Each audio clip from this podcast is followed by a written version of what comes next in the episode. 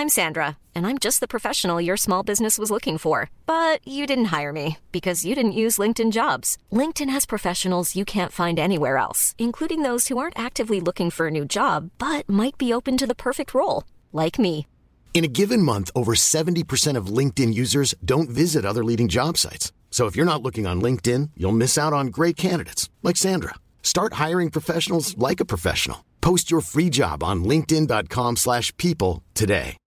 Since 2013, Bombas has donated over 100 million socks, underwear, and t-shirts to those facing homelessness.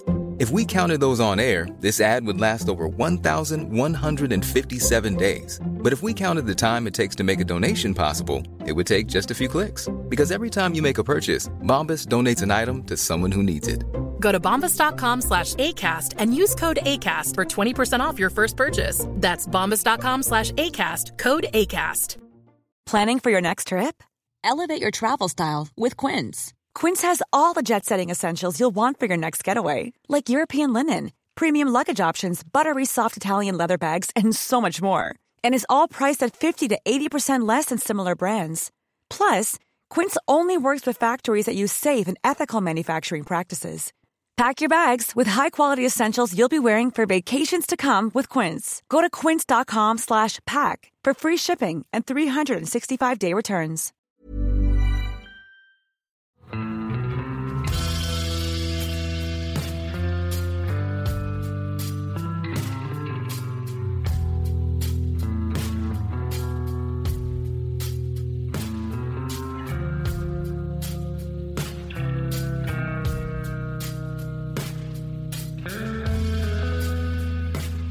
Hei og velkommen til podkasten Uteliv. Mitt navn er Randulf Valle, og i dag skal vi ta for oss et stort tema her i podkasten Uteliv. Vi skal lage en episode som jeg har visst jeg skulle lage siden jeg starta podkasten, og som jeg har gleda meg veldig til å lage. Og jeg har helt siden jeg visste at jeg skulle lage denne episoden, her, visst hvem jeg skulle lage den sammen med.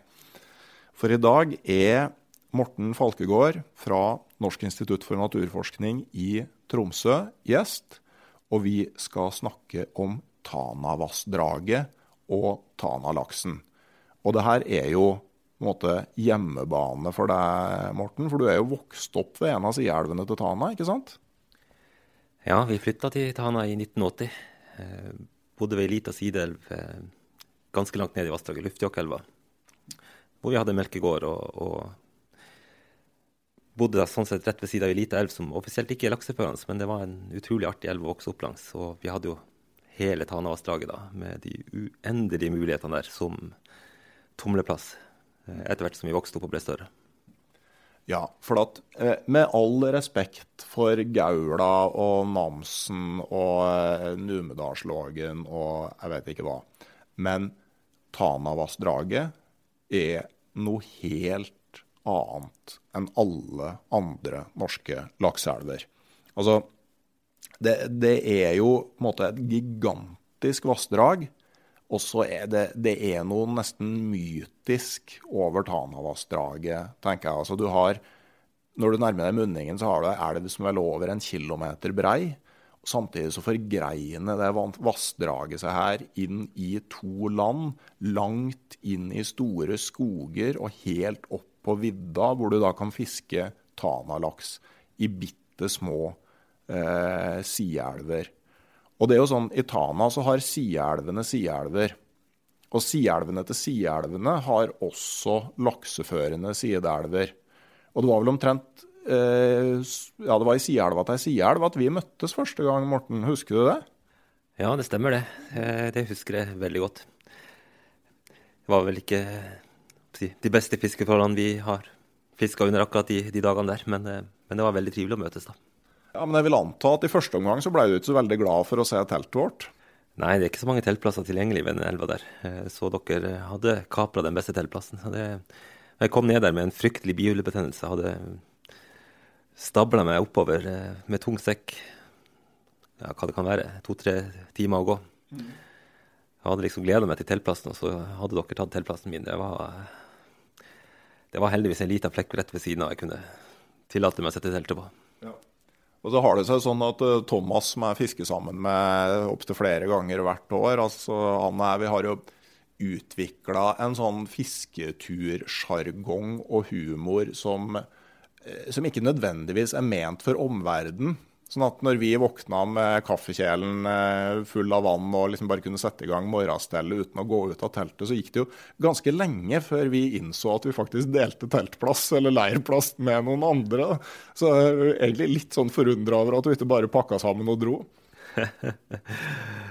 ja, jeg hadde, jeg hadde en bilbetennelse der som eh, gjorde at jeg var jeg var ikke i stand til å gå noen plasser.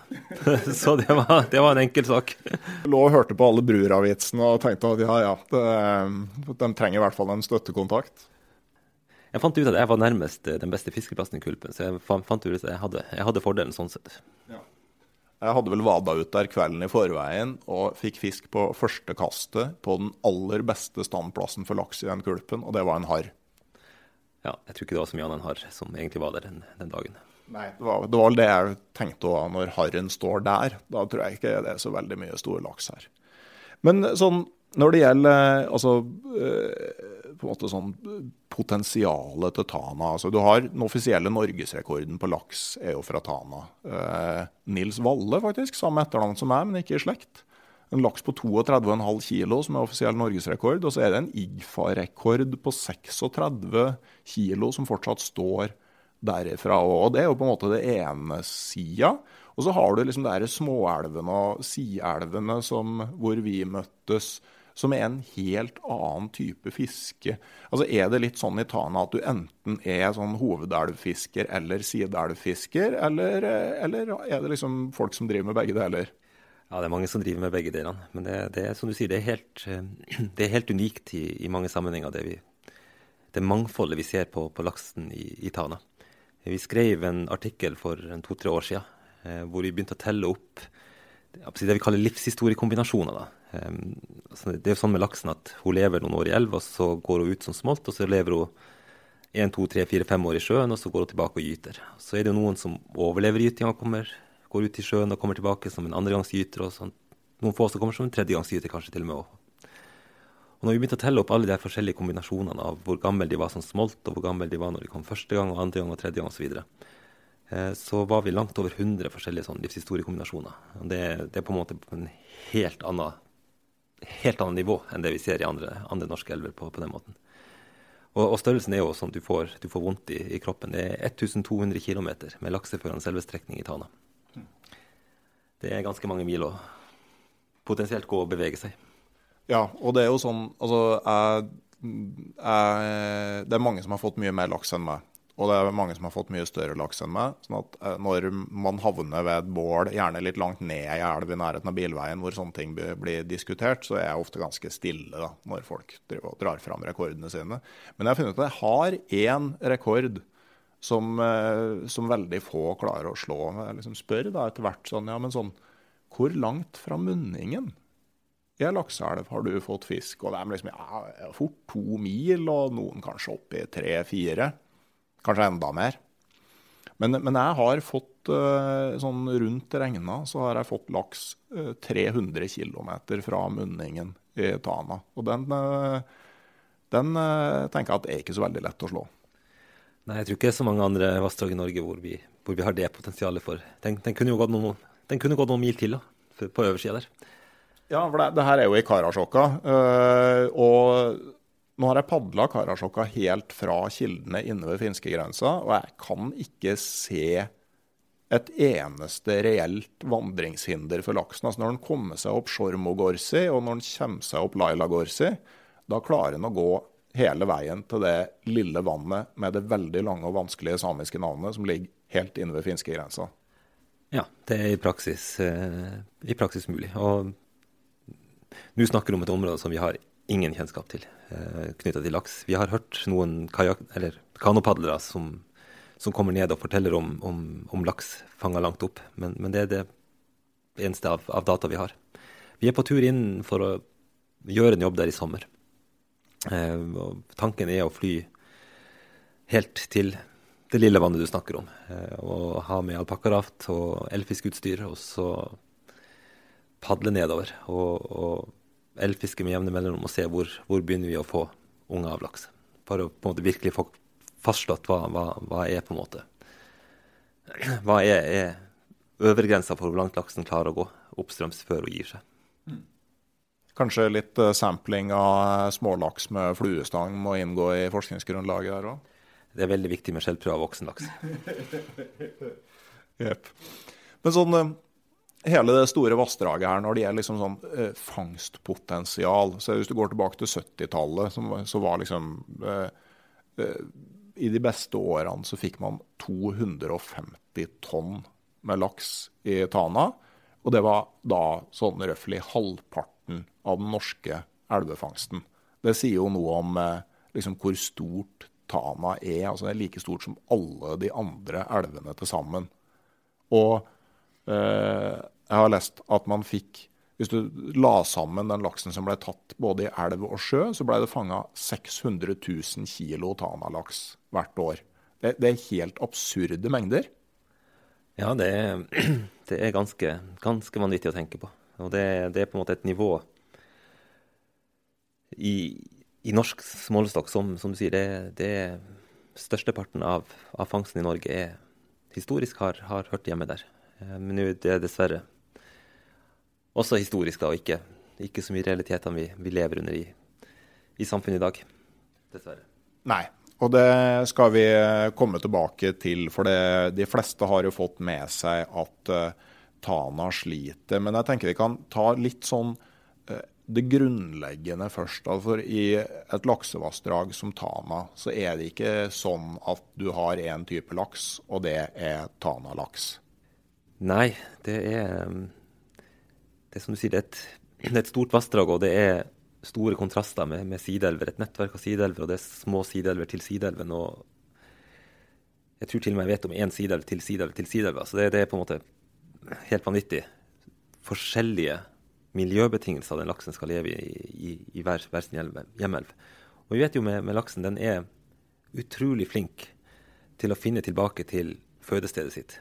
Eh, så hun går den lange vandringa ut i havet, eh, hele veien ut mot polarfronten i, i Barentshavet eh, bruker én, to, tre, fire, fem år på, på den fødevandringa. Og så returnerer hun, og så klarer hun altså å navigere langs kysten inn den riktige fjorden, opp hele den lange Tanelva og, og finne fram i det nettverket av, av småvassdrag til sin plass. Og det gjør har den på en måte gjort i tusenvis av år. Sånn I, I, de forskjellige delene av Tana nå så er det, er det etablert egne bestander av laks. Så vi har dokumentert nå rundt 30 genetisk unike bestander av laks i Tana, som er lokalisert på sine egne geografiske områder. Eh, som lever der med sitt eget utseende. Det, det er forbausende stor forskjell i utseende på laks fra deler av Tanavassdraget. Som gjør at, at lokale som, som, fisker med en gang kan kan ta opp en laks eh, fiska i selve Tanaelva og si at det her er en laks som, som skal opp i Polmak, eller det her er en laks som skal opp i Gjersjåka. Mm. Ja, for uh, altså uh, Kanskje veldig utprega typer. altså Hvis vi tar f.eks. Isjåka og Laksjåka, som er to ganske forskjellige elver. altså Kan du si litt om de to elvene, og hvordan, hvordan er laksen som skal dit, og, og hvorfor har det blitt sånn? Ja, så Gjersjåkalaksen er, er jo på mange måter den mest kjente laksen i, i, i, Tana. Eh, det er på en måte et navn som er, er nesten litt sånn ikonisk. Eh, når man hører gjersjåka, så, så, vet du med en gang hva det er snakk om, og det er, er storlaks. Og det er ei elv som starter opp i det store Gjersjaveriet, eh, som renner med, med ganske tung vannstrøm. Eh, som har gjort at, at bunnsubstratet i, i stor grad er store steiner. Eh, når du skal som laks lage deg gytegrop i ei grov steinur, så, så, må du ha en viss pondus. Da, da nytter det ikke å komme som ei lita smålaks og prøve å vifte, vifte bort grusen. Da, da, må du ha muskler å sette bak. Og, og, det gjør jo at der har du tre-fire sjøvinter holaks. Holaks på, på 8, 9, 10, helt opp i 15-16 kilo. Som måtte stå der og, og flytter stein på størrelse med fotballer eh, når, de, når, de, på en måte skal lage seg gytegrop. har du, har du som kontrast da ei elv som Laksjokka, som er i Tanas sammenheng er ei veldig spesiell sidelv også, det må, må sies. Altså. Det, det, er på en måte, vi har ikke noen andre sidelv som ligner Laksjokka. Um, hvor du har fått en veldig spesiell laksetype. En langstrakt, slank fisk. Veldig stor spor eh, sammenligna med resten av kroppen. Det er ei elv som renner Hun tipper seg utfor dalkanten ned i Tanelva. Eh, vi har noen plasser vi kaller trappe, trappetrinnene, som er noen småfosser som laks må passere for å komme seg opp. Og flere skumle plasser som jeg aldri ville tort å, å komme i nærheten med alpakkaraften på, på tur ned. Da, da, går den på land og, og blir båret forbi. Og, så det er tydelig at der, der har du en fisk, en, plass hvor laksen må forsere ganske store hindringer for å komme opp. Men hvor, når de først kommer seg opp til, til gyteområdene, så er det på en måte morenegrunn og, og ganske fin, fin, grus. Og det er tydelig at i, i der er ei holaks på rundt to kilo som, som på en måte er ekstremt flink å svømme, og som ja, biter fra seg når, når du har henne på kroken, for å, si, for å, si, det på den måten. For hun, hun, er, hun er en racer til å fly av gårde. Så har du de, en del av de små sidene, men enda litt lenger ned, sånn som da, som, som, ikke har den type vandringshinder i det hele tatt, hvor du har en, en ganske småvokst type holaks uten at det egentlig er noe spesielt utseende. Det, det ser ut som en storlaks som bare er, er i miniatyr ganske velfødd, eh, men, men liten. Halvannen til to kilo. Ja. Det er, sånn det er jo viktig å få med seg at altså, hver eneste elv her har, eh, har eller sielv har sin egen, eh, egen eh, laksebestand. Jeg tenker Laksjokka er jo altså eh, fluefiskere Eh, og spesielt de som eh, leste fluefiskelitteratur sånn på, ja, på 1980-tallet, så var jo Even Riise eh, var veldig sånn til å skrive akkurat hvor han hadde vært. Og han var veldig glad i, i Laksjokka. Og det blei ei litt sånn der ikonisk sportsfiskeelv for litt sånn lett laksefiske med, med enhåndsstang. Ja, vi har vært ganske sinna på Even Riise opp gjennom årene. Det må jeg, må jeg bare innrømme. Jeg begynte jo å gå, på, gå i laksejokka på, på 80-tallet. Og um, vi merka veldig godt at uh, det kom mange dit som hadde lest bøkene til Even Riise. Ja, det ble faktisk så galt uh, i noen av de beste kulpene der. Der er, der er noen fantastisk fine fluekulper. Som, som, og samtidig er det ikke så fryktelig mange kulper. Uh, sånn at, at, det blir fort oppkonsentrert med fiskere i de beste plassene. Og, og det er ganske trasig å gå 12-13-14 km inn på Laksefjordvidda Eh, og forvente å være, å være, vant til å være ganske alene. Og så begynne å få en opplevelse at du faktisk måtte organisere kø for å få fisk i kulpen. Litt som, eh, som Lars Nilsen snakka om da de, eh, da de lagde sånn fiskevideo fra Vangsgrøfta oppi der Therese Johaug er fra og hadde egentlig tenkt å, De prøvde å holde det hemmelig, men klarte det ikke. Ingen i bygda skjønte noen ting da det plutselig kom en haug med sånn eh, Lars Lent-kloninger i Sims-utstyr og tråla eh, opp og ned der. Det må være litt den samme følelsen, tenker jeg. Det er nok ganske parallelt, ja. Men, men, var det sånn at du først leste bøkene til Even Riise og tenkte at å nei, nå skjærer det seg? Eller var det at du liksom begynte å møte masse folk som refererte til det der? Ja, vi leste jo bøkene til Even Riise også, eh, men det var jo for å få fisketips andre plasser enn Laksjakka. Så vi, vi gikk nå i samme fella sånn sett. Men, eh, men eh, jeg husker jeg leste noen av de kapitlene og at jeg bare tenkte å nei, hva, hva er det som kommer nå? Og det, det så vi jo. Ja, Om tida så var det her òg verre, for at, altså, det var såpass begrensa med, med, informasjon. at uh, Jeg snakka litt med Dag Kjelsås om det her. at sånn herre da Villmarksliv hadde glansperioden sin, så hadde du ikke det. Altså Nå er det så utrolig mye informasjon at det er egentlig informasjon om alt av lakseførende elver, og det sprer jo fisketrykket mer. Men da var det mer sånn at når én person skrev om én ting, så var det liksom det som var det store nye en periode etterpå. Ja, det er veldig, veldig riktig observert. Eh, bare for å illustrere det med, med, med informasjonsmengden. altså nu, Du risikerer i enkelte finnmarkselver nå å finne folk som som går og stirrer på GPS-en i hånda for å på en måte finne den helt riktige koordinaten til en stein de har fått tips om å stå på. Eh, på et eller annet diskusjonsforum. Eh, så den, den, tilgangen til kunnskap og breddekunnskapen. For det er alltid noen som har vært en eller annen plass og fiska, som du kan snike deg til et tips om hvis du, hvis du leter litt. Og den, den var helt ukjent på 80-90-tallet. Da var det bøkene du fant i biblioteket og, og leste om i villmarkslivet og den, den, typen informasjon. Men det er litt interessant med Tana, altså at der er det så mange sideelver og så mange muligheter. Eh, at for den som vil drive litt sånn detektivvirksomhet, så kan du fortsatt finne sideelver som det nesten ikke fiskes i. Ja, der er som sagt 1200 km. Det er ganske, det er ganske stort område å dekke. Der er, der er sideelver i Tana hvor, hvor, man ikke møter folk i det hele tatt. Og um, delvis fordi de ikke er kjent, men også fordi de er så fryktelig utilgjengelige. Altså det, det er jo spesielt en del av sideelven til, til når du kommer opp i Øvre Karasjokka og Øvre Anárjohka f.eks., hvor, hvor det er sideelver som, som, strekker seg milevis innover, og hvor laksen har fritt spillerom hele veien opp, og går hele veien opp. Men, eh, men, du skal være bra ivrig for å orke å gå på fotene opp. Jeg har en plan om å gjøre det. Jeg er sånn elv i juli, men ikke si det til noen.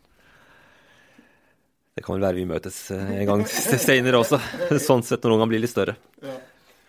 Men, eh, men, det er jo òg altså sånn uten å liksom blåse noe kjempehemmeligheter. Men jeg tenker bare sånn som eh, Det ligger jo eh, Deres vurderinger av Tana-bestandene ligger jo ute, og jeg registrerer jo at det er sånn elv som Levajokka.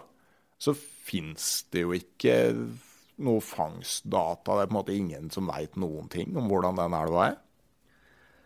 Nei, altså det, det, er jo en del av, av eh, ulempa si, med sånn sett å, å, å, bygge opp kunnskap og, og bygge ut overvåkinga og kunnskapsinnsamlinga. Så så, så har vi jo i den Tana-forskergruppa vi har jo et mandat om at vi skal gi en vurdering av samtlige bestander i Tana. Og en god del av de bestandene har vi ingen fangstdata på. Så det eneste vi har, er overvåkingskunnskapen. Eh, og den viser jo en del laks på plasser i Tana som er direkte navngitt i, i eh, rapportene fra, fra gruppa. Mm. Eh, sånn, skal man ha tips sånn sett til, til plasser å lete på, så, så, er det mulig å finne kunnskap der. Mm. Men så er det jo òg en kjensgjerning at de stedene som ingen veit noen ting om, og hvor ingen fisker, så er det jo ofte en historisk grunn til at det har blitt sånn òg. Ja, det For å ta Levajakk som eksempel, så, så er jo ikke det, en, det er ikke en veldig lett elv å fiske. Eh, det er langt mellom kulpene og tungt terreng å gå i. Så, mm. så du, skal, du, skal, være ivrig eh, før du orker, og, og kanskje ha litt sånn opparbeide deg kanskje noen år med, med, kunnskap før du på en måte har oppdaga de, de, relativt små og bortgjemte fiskeplassene som tross alt er. Ja, og så tenker jeg at du skal ha en innfallsvinkel til laksefiske som ikke handler om å få mest mulig, størst mulig fisk, men at liksom den oppdager gleden. Altså det å finne en mager 900 grams eh, smålaks på et sted du ikke trodde det skulle være noe, at det liksom er det, er det store? Ja, jeg tror, vel, jeg tror vel jeg og du har ganske samme motivasjon når det gjelder laksefiske. Det, den følelsen av å Personlig så finner jeg veldig stor glede i det å, å, å streve litt for å få fisken. Altså det å, det å ta på seg sekk og tråkke mange kilometer lenger enn det du egentlig burde gjøre. Så bruker å si av og til at man er jo et hauthulat som driver og går over bekken etter vann, som man gjør i mange tilfeller. For man går jo forbi de beste kulpene eh, for å få fisken så langt mulig opp som man bare klarer å gå. Fordi det av en eller annen grunn føles mest givende å gå helt øverst, hvor du ikke ser spor av folk, og hvor ting kanskje er litt mer marginalt og, og litt mer krevende. Ja, og så er det noe tilfredsstillende med den der prosessen med å sette seg ned og grave seg ned i en haug med info som ikke egentlig er retta mot mot sportsfiskere, men gjør seg noen teorier og, og tenker litt og vurderer litt. Altså bare den følelsen når det faktisk stemmer, eh, det er verdt noen eh, bomturer, altså. Ja, det er det absolutt. Og det er ikke til å legge skjul på at det har blitt noen bomturer opp gjennom årene. Men, eh, men som du sier, når du, når du, treffer, og når det klaffer, og du, du finner de, de nye kulpene som, som, du visste måtte være der, men, men var ikke helt helt sikker på om du klarte å avsløre de bare ved å se på, på kart på forhånd. Den er, den er fantastisk. Det, det, lever du mange år på. Mm. Definitivt. Og det er òg med å finne ut at det du stått det du har gått rett forbi noen ganger, faktisk viser seg å være en mye større og viktigere kulp enn en det du trodde. Det er en sånn her, at det, Når du liksom kikker litt nærmere på, så er kanskje litt mer dybde under det strømlokk, og plutselig så står det storlaks der du kanskje ikke hadde trodd det skulle være noen ting. Ja, jeg har ei Tana som jeg har besøkt noen ganger, hvor, hvor vi fant noen kulper som vi, vi, brukte å gå til en, en gang eller to sånn, hvert år. Eh, og så har jeg jo voksen alder etter at jeg ble forsker og begynte å, å, å, å samle kunnskap litt, litt bredere, oppdaga at hadde vi gått en kilometer eller to til, så hadde vi fått noen fantastiske kulper som var 100 ganger bedre å fiske i. Så, eh, så det har vært noen sånne Åh, mm. hvorfor? Mm. Men uh, når det gjelder liksom bestanden i Tana, så er det noen bestander der som på en måte er viktigere for totalen enn andre. Altså det, det, er noen stammer som utgjør, utgjør måte, hovedtyngden av Tana-laksen. Kan, kan, du fortelle litt om dem? Ja, det er jo mellom 70 og 80 av, av produksjonen av laks i Tana er, er, foregår i fire områder. Det er selve Tanaelva, og så er det, det er tre store kildeelvene. Anarjokka og Karasjokka og Gjesjokka. Så det, det, er på en måte Hvis vi skal virkelig snakke om fødestuer i Tana, så er, så er, det de her fire områdene som, som er, er, de store produsentene av, av, av laks. Og så er det, er det de andre små og mellomstore sideelvene som på en måte må fordele det resterende 20-25 seg imellom. Mm. Men et fellestrekk for de da store, viktige bestandene er jo da Eller i hvert fall de tre kildeelvene er jo da naturlig nok helt øverst i vassdraget. Ehm, men, men, laksen kom ikke dit samtidig i de tre elvene, de tre kildeelvene? Nei, altså det er, det er, veldig forskjellige områder. Um, Anarjokka kommer jo jeg, fra fra den østlige delen av Finnmarksvidda. Eh, er riksgrense mellom Norge og Finland i, i, flere mil. Renner relativt sakte. Eh, store, stilleflytende parti. Eh, isen forsvinner tidlig. Blir relativt fort høy vanntemperatur. Og, og sånn sett ei elv som ser helt annerledes ut enn en naboelva Karasjok, som på en måte blir liggende litt i en mellomposisjon mellom, mellom Anarjokka og, og, og Gjersjokka. Og Gjersjokka er, er, den som kanskje skiller, på en måte skiller seg mest ut med å være den som kommer fra mest høyestliggende områder, har lavest vanntemperatur og en del det groveste substratet sånn sett. Så har du Tanelva, da, som, som, på en måte er den lange, lange strengen med, som renner som en flod, og hvor, hvor, på en måte laksen nærmest forsvinner på gyteplassene. Og, og, og, og, en del av de, de, forskjellene her ser du igjen i, i vandringshistorikken til, til, fisken. Av en eller annen grunn, uten at vi nødvendigvis helt vet, vet hvorfor, så kommer laksen mye seinere til Anárjohka enn den gjør til Karasjokka og Gjersjokka. Og, og seinere til og med enn en laksen som skal gyte i hovedelva. Så vi bruker å ha, ha litt sånn tommelfingerregel at den storlaksen du, du fanger i mai-juni, er laks som skal opp til Karasjokka og Gjersjokka. Den storlaksen som du fanger i, i slutten av juni, begynnelsen av juli er, er hovedelvfisk. Og så den større fisken som kommer i, i slutten av juli, er, er mye i stor grad fisk som skal opp i Anárjohka. Sånn at Anárjohka er en, en, en sein elv. Eh, mens Karasjok og Gjersjokka i, i Finnmarksområdet er ekstremt tidlige. Vet dere noe om hvorfor det er fordelaktig for laksen å komme så tidlig til, til Karasjok og Isjokka? Nei, Det er jo det, er jo det samme, samme fenomenet man egentlig ser i, i mange vassdrag, det at, at, den største laksen kommer tidlig.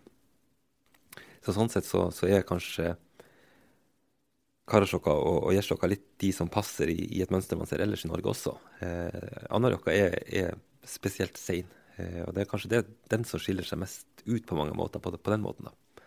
Uten at vi egentlig helt eh, skjønner hvorfor det skulle være noe vits å komme så seint dit. Jepp.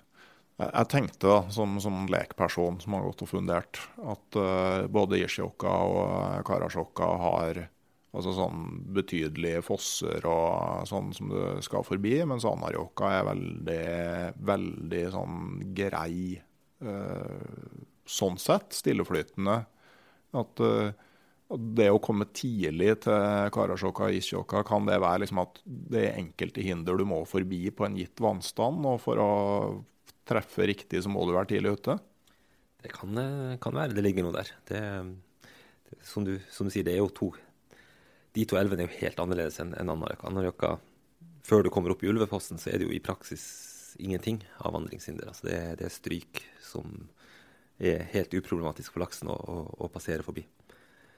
Så um, Men det er nok også kanskje, kanskje ligger det en bonus for laksen i å komme seint til, til Anárjohka, i den forstand at, at, det er jo ei elv med mange små vann som ligger per, som perler på en snor, og så er det korte stryk imellom. Og kanskje er det på en måte en, en At den blir eksponert eh, på en måte der som gjør at den, den, helst ikke vil være der så lenge sommerstid før, før gyting. At at det, på den måten er, er fordelaktig å komme seint. At uh, der du i, i Karasjok og Gjesjåka har kulper med, med tildeles kraftig strøm som den kan stå i og, og hvile seg og, og, vente på gytetida, og stikke seg borti på den måten, så, så, har du kanskje ikke helt den samme muligheten i, i Anárjohka. Det er jo sånne ting man, man bare kan uh, drodle over, men som det er vanskelig å finne noe svar på. Men uh, sånn, du har jo fått med deg virkelig gode år i Tana med, med bra med fisk. Men uh, de siste virkelig bra årene i Tanavassdraget, det var vel rundt årtusenskiftet? Ja, 2000, 2001 og 2002 og til dels 2003 er jo måte, de, de, årene som Ja, de, de, siste gangene vi virkelig har hatt storfangst i, i Tana. Det var jo litt, litt spesielle år sammenligna med, med, de forrige rekordårene i, på, midt på 70-tallet. Eh, tidlig 2000-tall så fikk vi av en eller annen grunn veldig mange flergangsgytere tilbake i Tana. Og det var flergangsgytere på et helt annet nivå enn det du så på 70-tallet. Sånn at en, en, en, stor andel av, av, den store fangsten tidlig 2000-tall ble drevet av, av, at det kom relativt, relativt storvokst det flergangsgytere til, tilbake. Som ga Selv om det ikke var jeg, så mange i antall, så så utgjorde de ganske mye i, i kilo ganske fort. Men eh, som du sier, det, det, det å se Tanavassdraget i, i, de fenomenale årene som det tross alt var da, 2001-2002, var, var, helt ekstraordinære eh, å, å, gå med stang i, i Tana. Det, men det, det, skaper også en så utrolig kontrast til hvordan Tana har vært, vært de siste årene. Det, det, å se de siste årene opp mot hvordan hun var i, i rundt 2000. og også tilbake i 1990. 1990 var også veldig gode år i Tana. Eh, kom ikke så godt fram i fangststatistikken. Men nå er jo fangststatistikken i Tana historisk et eget kapittel eh, i, i, seg sjøl. Så, så eh, fangststatistikken har nok blitt mye bedre med årene. Eh, og reflekterer nok det reelle fangstnivået mye bedre nå enn det, enn det, de gjorde historisk. Jeg har jo tenkt rundt det der, altså det var jo Tidlig på 2000-tallet så drev jeg og dro på sånn hele sommeren til Canada eh, for å padle. Så tenker jeg at eh, sånn i, med, med etterpåklokskapen å holde seg til, så hadde jeg vel egentlig gjerne bytta bort en av de Canada-turene mot en ny tur ned Karasjokka med tohåndsstang og eh, fiskekort i et par uker. Å ja. Det, med etterpåklokskapen så burde du tatt Canada Canada-turen i 2004. Og så kunne du vært i Karasjokka i 2001 og 2002. Det hadde, det hadde nok vært litt av en opplevelse. Nå kunne jeg ikke fiske laks heller i det hele tatt på den tida, da, men, eh, men, eh, men, jeg padla jo Karasjokka i år 2000. Og trodde i veldig mange år at jeg hadde mista mitt livs største ørret nedenfor Vodasjavret. Et stryk nedenfor der og en liksom, kulp under en foss. Der fikk jeg på, på lettspinnstang og med mark et eller annet stort som da dro opp den vesle fossen og begynte å oppstryke før det sleit 020-scena. Jeg har jo skjønt da at eh, det var nok veldig lite sannsynlig at det var en ørret. Å ja, det var nok en laks. Det, det er noen veldig fine lakseplasser der. Eh, så er jo laksen altså, Når du kommer opp der og han har vandra over 30 mil og kanskje vært i ferskvann i et par måneder, da ser jo ikke helt ut som en laks heller i, for mange sitt øye. Så det er nok fort gjort at det blir fanga en del laks der, og folk tenker at det er ørret. Eh, for han ligner jo litt på en ørret. da. Ja, jeg har gjort det sjøl andre gangen jeg padla den elva. På, ute og fiska på kvelden. Fikk en ørret, trodde jeg. Og den ble nå fotografert, og, eller drept og fotografert og spist som ørret. Og det, det, var jo først da jeg begynte å kikke på bildene hjemme jeg begynte å innse at uh, her er det et eller annet som er rart. Jeg sendte vel det bildet til deg for å uh, få verifisert at uh, her var det snakk om Salmo Salar og ikke Salmo Truta. Ja, hvis man, hvis, man, først vet at, at, man kan få laks der, så, så kjenner man de nok enklere igjen. Men, men, man er jo på en måte primært og padler i et område hvor man tenker at det, her, er, her er det ørretfiske det dreier seg om. Så da er på en måte øyet ikke helt innstilt på å kjenne igjen en laks. Nei, og Spesielt når du er sørfra. Da, for jeg har jo sett eh, tenker jo Det var jo noen artikler i Villmarkslivet igjen der og folk som padla Karasjok og fikk stor ørret. Hvor jeg tenker sånn i ettertid at eh, det er kanskje ikke helt sikkert at det der var ørret. Nei, det er, det er stor ørret der oppe. Virkelig stor ørret også. Men, eh, men det er også slett ikke så uvanlig å treffe på laksen der. Men altså nå eh, Fangsten i Tana har jo svingt historisk. Det er vel sjuårssykluser sånn røftlig man har snakka om. Men sånn at det at fangstene dalte sånn mot 2004-2005, det, det, var vel ikke overraskende. Men når du begynte å komme til 2008 og 2009, så kom det ikke noen ny topp. Nei, og det, hvis man skal tenke, opp, si, tenk, altså, Ser man historisk på, på Tana, så er det helt riktig. Altså, det, det, er, en utrolig stabil syv-åtteårssyklus mellom, mellom toppene i praksis. Eh, og, og, vi hadde jo forventa en, en, en, ny topp da i, i 2009-2010, eh, som vi aldri så. Eh, altså den, den, tvert om så fikk vi jo en, en bunn, da. Altså det, oppgaven svikta, svikta, jo helt. Og denne syklusen, opp og ned-syklusen, har, har, på en måte svikta helt de siste årene eh, i, i, Tana. Du, den eh, jevne opp-ned-gangen som, som, vi historisk har sett, eh, og hvor det også har vært en samvariasjon mellom Tana og, og, resten av Finnmark, det har på en måte brutt, brutt sammen de siste årene. Og, og, det har nok fått mange til å, til å bli litt, litt urolig. Eh, for, for, den dynamikken der som man på en måte kjente til og var vant til, er, er på en måte borte. Ja, altså, Hvor alvorlig er det, og hva er det som har skjedd? Hvis vi skal tenke hva det er som påvirker laksebestanden i ei naturlig elv som, som, Tana, hvor du ikke har noe fysisk påvirkning i, i, form av menneskelig aktivitet å snakke om, eh, så står på en måte fisk igjen som, som den store påvirkeren. Og der er det på en måte en, en mekanisme med, med, fiske på den måten er at, at høy beskatning i form av et høyt fisketrykk eh, induserer litt svingninger. Altså du, du, forsterker en naturlig svingning i bestanden ved, ved å fiske, fiske mye. Sånn det at du har sett gjerne relativt stødige svingningene mellom, mellom topp og bunner, som man på en måte har tatt som en litt sånn sunnhetstegn ved Tana, eh, har vel kanskje mer vært et uttrykk for at det har vært veldig høy beskatning. Eh, hvor du kommer til et punkt hvor en del av de bestandene blir fiska ned eh, så langt at, at eh, det på en måte er litt mer tilfeldige faktorer rundt, rundt miljøet, eksempel, som, som, veier veldig tungt. Eh, og at du da går bort fra å, å ha de naturlige svingene opp og ned, til mer stokastiske eh, svingninger på en måte rundt Altså det er mer tilfeldig da, eh, hva som ender opp med å bli, bli relativt gode år og relativt dårlige år innenfor der. Det blir litt sånn tek teknisk å prøve å forklare, da, men, men, men den utviklinga vi ser i Tana, eh, det, skal du lage en modell for å på en måte forklare den, da, Eh, det å ta utgangspunkt i en historisk veldig høy beskatning som gradvis har redusert overskuddet mer og mer og mer. Du har på en måte hatt en gradvis spiral som har gått nedover og nedover. Og nedover. Og så har du kommet til et punkt da, hvor, hvor du er så lavt nede eh, at de her naturlige mekanismene på en måte litt har brutt sammen. Eh, og det stokastiske på en måte har overtatt. Det, det passer veldig godt til, til det mønsteret vi ser i Tana. Men det er vel òg sånn at altså, det er de viktige eh, kildevassdragene øverst oppe her som er hardest ramma. For at altså, alle sideelver og alle bestander er ikke måte, like svekka. Nei, det er et uh, veldig tydelig mønster i tallene. Når, når, når, vi i forskergruppa går inn og vurderer hvor mye fisk eh, som står igjen til gyting, det er på en måte det viktigste parameteret vi har. Eh, den fisken som har overlevd fram til gyting, det er på en måte det som er investeringa i fremtida. Det er investeringa i neste generasjon. Og så har vi det vi kaller gytebestandsmål, som forteller oss noe om hvor mye laks som burde være igjen til gyting for at et vassdrag skal fylle produksjonspotensialet sitt.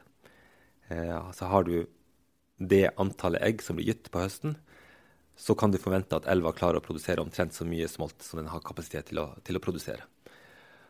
Og i de her sideelvene i Tana, hvor, hvor du nå er nede i 10-15-20% av det gytebestandsmålet, så er på en måte produksjonen nå ja, nede på et helt, helt, marginalt nivå. Og da er det ting som, som begynner å slå inn som, som, som eh, gjør det veldig vanskelig å endre status også. Det gjør det veldig vanskelig å komme bort fra den situasjonen. Eh, og, og er store vassdragene helt øverst i Tana, eh, hvor, skal, hvor laksen skal vandre langs, først langs hele kysten av Nord-Norge, og så inn Tanafjorden, og så opp hele den lange Tanaelva. Da blir det litt av et lotteri eh, å komme seg hele veien fram til gytegropa og overlevd eh, fram til høsten.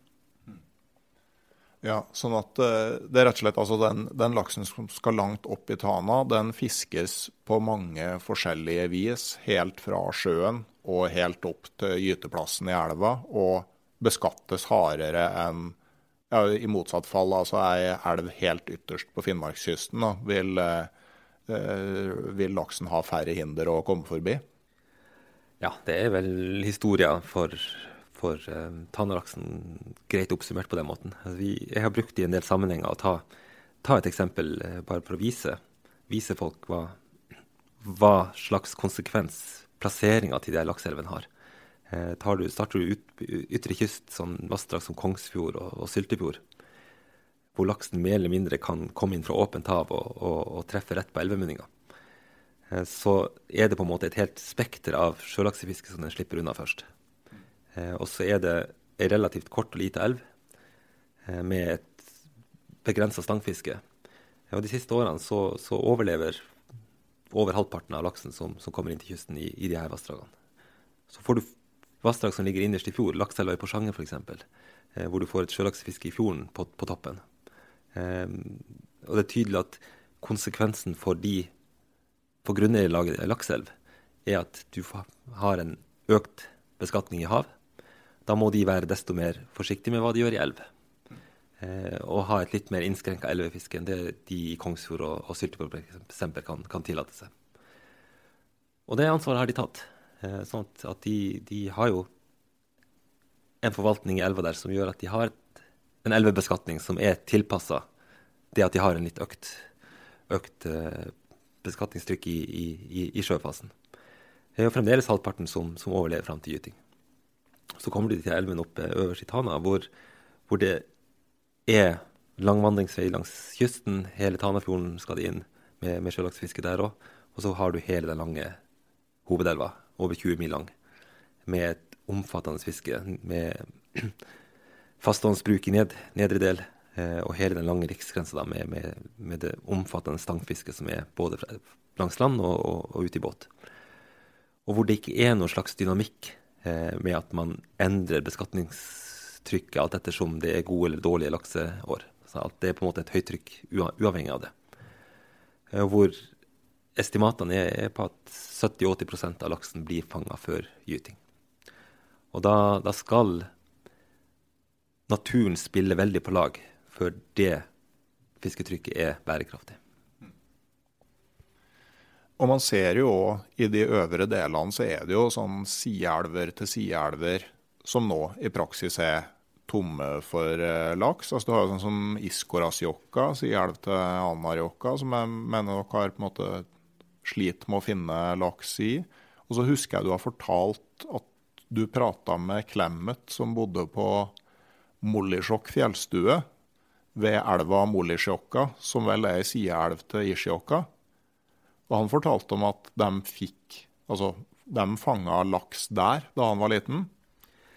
Ja, altså det, det begynner å bli bra mange år siden, men, men eh, jeg husker vi husker vi snakka om det med, med, hva er det som har skjedd med laksen, og, og, og hvor det kommer en kommentar i det. Men her har det ikke vært laks siden 60-tallet. Og, um, og ja, vi telte, vi telte laks i Gjersjåka i sommer. Eh, Tana fiskeforvaltning eh, hadde et prøveprosjekt med sonar eh, rett på øversida av samløpet med, med Karasjokka. Og, og um, det var så vidt det var et par hundre fisk over tre kilo som gikk forbi sonaren. I ei voldsomt svær elv, mange mil lang. Gytebestandsmål på ja, hva det er, fem-seks tonn. Um, altså et par, par hundre fisk, det er jo Ja, hundre av de kanskje var holaks. Det, det, er så lite at det, det, det, er skremmende. Vi har hatt en situasjon de siste årene hvor når du legger sammen antallet laks som går, har gått opp i Anárjohka og Karasjokka og Gjersjokka til sammen, eh, så er det antagelig færre laks enn det kom opp i som Syltefjord.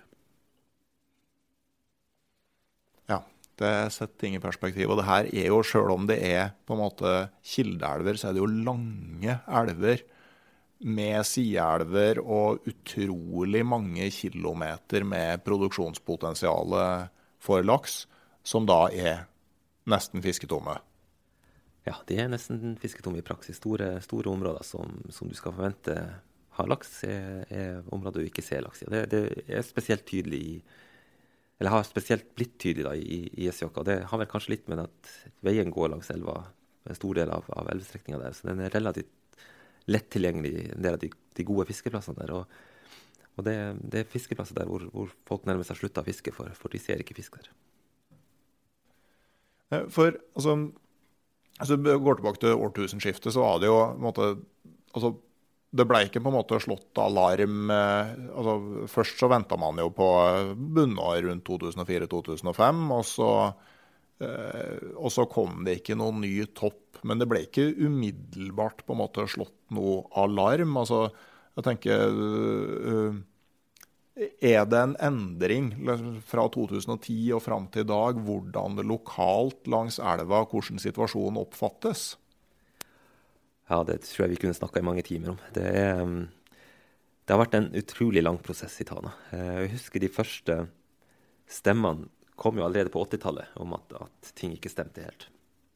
Så kom slutten på drivvannsfiske i, i havet i 89, og man tenkte at Eh, og relativt gode år i Tana i 1990 og 1991 og 92. Og man tenkte at OK, drivvannsfisket er stengt, eh, nå kommer det til å snu. Så ble det jo noen veldig svake år igjen midt på 90-tallet. Men det er også veldig svake år i, i, resten av Finnmark, og, man tenkte OK, litt sånn naturlige svingninger som, som ute og går her. Og, og det ble jo bekrefta av årene da, rundt, rundt årtusenskiftet 2001 og 2002, hvor det var fenomenalt mye laks. Men så smalt det jo desto større da, rett etter. Og man fikk virkelig bunnår i 2004-2005. Det var ekstraordinært lite. Altså, det var så lite laks. Det var første gangen eh, jeg gikk tur i Laksjokka uten å få laks. Eh, altså Så lommekjent som man, man anså seg sjøl for å være. Selv de ypperste gromplassene så så vi ikke fisk. Eh, og det, det var, tror jeg ble en øyeåpner for, for veldig mange. Men ikke, ikke, så mye en øyeåpner nede i vassdraget, men, men spesielt i de her en del av de sideelvene, og, og, ikke minst øverst i vassdraget, så ble det en, en veldig stor øyeåpner. Og Det har vel litt med plasseringa du, du, er langs vassdraget. De som fisker helt nederst i vassdraget, de har på en måte ikke den samme identiteten eh, av de 30 bestandene. Man, man, ser på en måte en tannlaks en tannlaks, fordi den, det er den mengden laks som, som kommer forbi garnplassen din, eller, eller, der du bruker å fiske med båt, i den nedre delen. Det er først på en måte når du kommer opp i de enkelte sideelvene at du får den virkelig relasjon til laks på, på en gyteplass, og, og, på en måte ser at, at laksen blir borte. Og, eh, og, og, de som da fisker øverst i, Gjersjåka, f.eks., hvor laksen sannsynligvis forsvant allerede på 70-tallet. Det var helt umulig å se fangstmengde. Du hadde fremdeles 250 tonn laks som ble fanga. Men det ble fanga så mye i, i den hovedelva at, at, det var omtrent ikke fisk som overlevde helt fram opp til, opp til den øvre delen av, av, av Gjersjåka. Og og det på en måte har, har, er jo en utvikling som har blitt overtydelig. Eh, og nå de siste årene så er det blitt på en måte så tydelig at, at selv de her som fisker i, i nedre del, også merker det aktivt på, på, på, kroppen. Og så er det jo ikke til å stikke under en stol at, at, det har skjedd mye i fisketrykk også. De, mange av de her som fisker og har fiska i fryktelig mange år, eh, de kan komme med fangstdagboka si, at, si og si at se her, nå de siste årene så har jeg fått mer laks enn jeg klarte å få gjennom en hel sommer på, på 1980-tallet f.eks det må jo bety at det er mer laks nå enn det var da. Men sånn, på 80-tallet så, så, var det fryktelig mange som fiska. Eh, der de nå i, i, de små garnsonene i nedre del kanskje er alene om å sette ut stengsel eller stågarn. Eh, så måtte de konkurrere med, med 10-11-12 naboer om fiskeplassene og, og, om laksen som passerte. Sånn at, at Så selvfølgelig har du en opplevelse av at du får mer laks, for du slipper hele den konkurransen fra alle naboene i, i dag. Men det gjør pedagogikken veldig vanskelig. Altså det blir veldig vanskelig å forklare dem at ja, det er mindre laks, når de på en måte har en fangsterfaring som sier det motsatte. Ok, Men, men i dag, eh, altså er det, er det en viss enighet om at det er for lite fisk i Tana i dag? Ja, jeg tror i dag så, så, er nok de fleste enige om at det er for lite fisk. Men årsaksforklaringene er man jo veldig uenige om. Men, men, og det krangles masse om det. Men, men eh, de fleste er nok skjønt enige om at, eh, at noe er galt, og det må endres på. Ja, Uh, men uh, ja, de, de, hva er på en måte hovedskolene, kan du si, når det gjelder årsakssammenhenger, da? Nei, den, den hovedteorien som, som, veldig mange av de nede i Tana spesielt da, er veldig glad i å peke på, det er jo det at, at enten så har fiskepredatorene skylda, eller så har de finske turistene skylda. Så det er på en måte de to hovedtesene som, som, mange i Tana er veldig glad i. Men så har du en, en hel masse folk også som, spesielt i øvre del, som, som i en årrekke nå har pekt på at, at, grunnen til at ikke laksen kommer fram til Gjesjøk og Karasjok, er ikke det at den blir spist opp av naturlige predatorer, det er rett og slett at menneskepredatoren fanger for mye av den. Sånn at, eh, at eh, det, er en, det er en åpenbar, åpenbart sånn at, at en del i Kanskje spesielt hvor man blir litt sånn defensiv eh, av overskriftene, overskriftene om at laksen i Tana, som du er så fryktelig stolt av, eh, blir fiska opp av og, og, det fisket som du sjøl har holdt på med, kanskje en del av skylda på det, det, det gjør noe med, med, at man havner i en forsvarsposisjon og tenker at det er bedre å, å, å peke på noen andre eh, enn å på en måte innrømme at man har litt av skylda sjøl. Ja, og hvis vi skal begynne å bevege oss over på, på forvaltninga i Tana, så er jo eh, både når det gjelder måte, hvordan det fiskes, og på det rent sånn forvaltningstekniske, så er jo Tana en ganske spesiell elv. Altså, en ting er jo at eh, spesielt i Norge fiskes en del med garn og stengsel og sånn eh, tradisjonsfiske, som man vel eh, kaller det. Og så er Tana i tillegg grenseelv mot Finland. sånn at en del av vassdraget og noe av sideelvene er finsk, og en del er norsk. Og det eh, gjør at altså man forvalter elva sammen med Finland. Og det blir en god del mer komplisert enn når du f.eks. har et elveeierlag, sånn som i Lakseelv.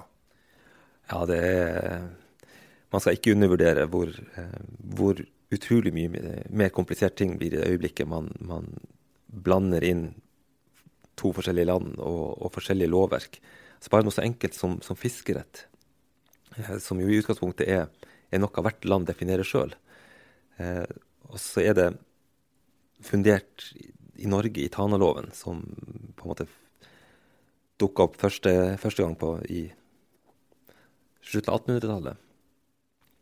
Sånn vi har på en måte en, en egen Tanalov som har definert en rettighetsgruppe som på norsk side i praksis gjennom den, den den rettighetsloven har eksklusiv rett til en stor del av, av ressursene som Tanalaksen er. Og så har eh, reserverte jo staten seg da i, i, i Tanaloven, den opprinnelige Tanaloven, reserverte seg retten til å selge fiskekort til tilreisende fiskere. Men det er på en måte den eneste begrensninga som lå i den lokale fiskeretten på norsk side.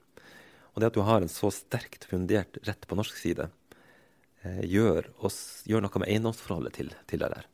Og det blir veldig vanskelig for de på norsk side å se det at det er et annet land som også er plassert litt lenger oppstrøms, i, i form av Finland, som på en måte er De nederste milene av Tana er jo helt norsk.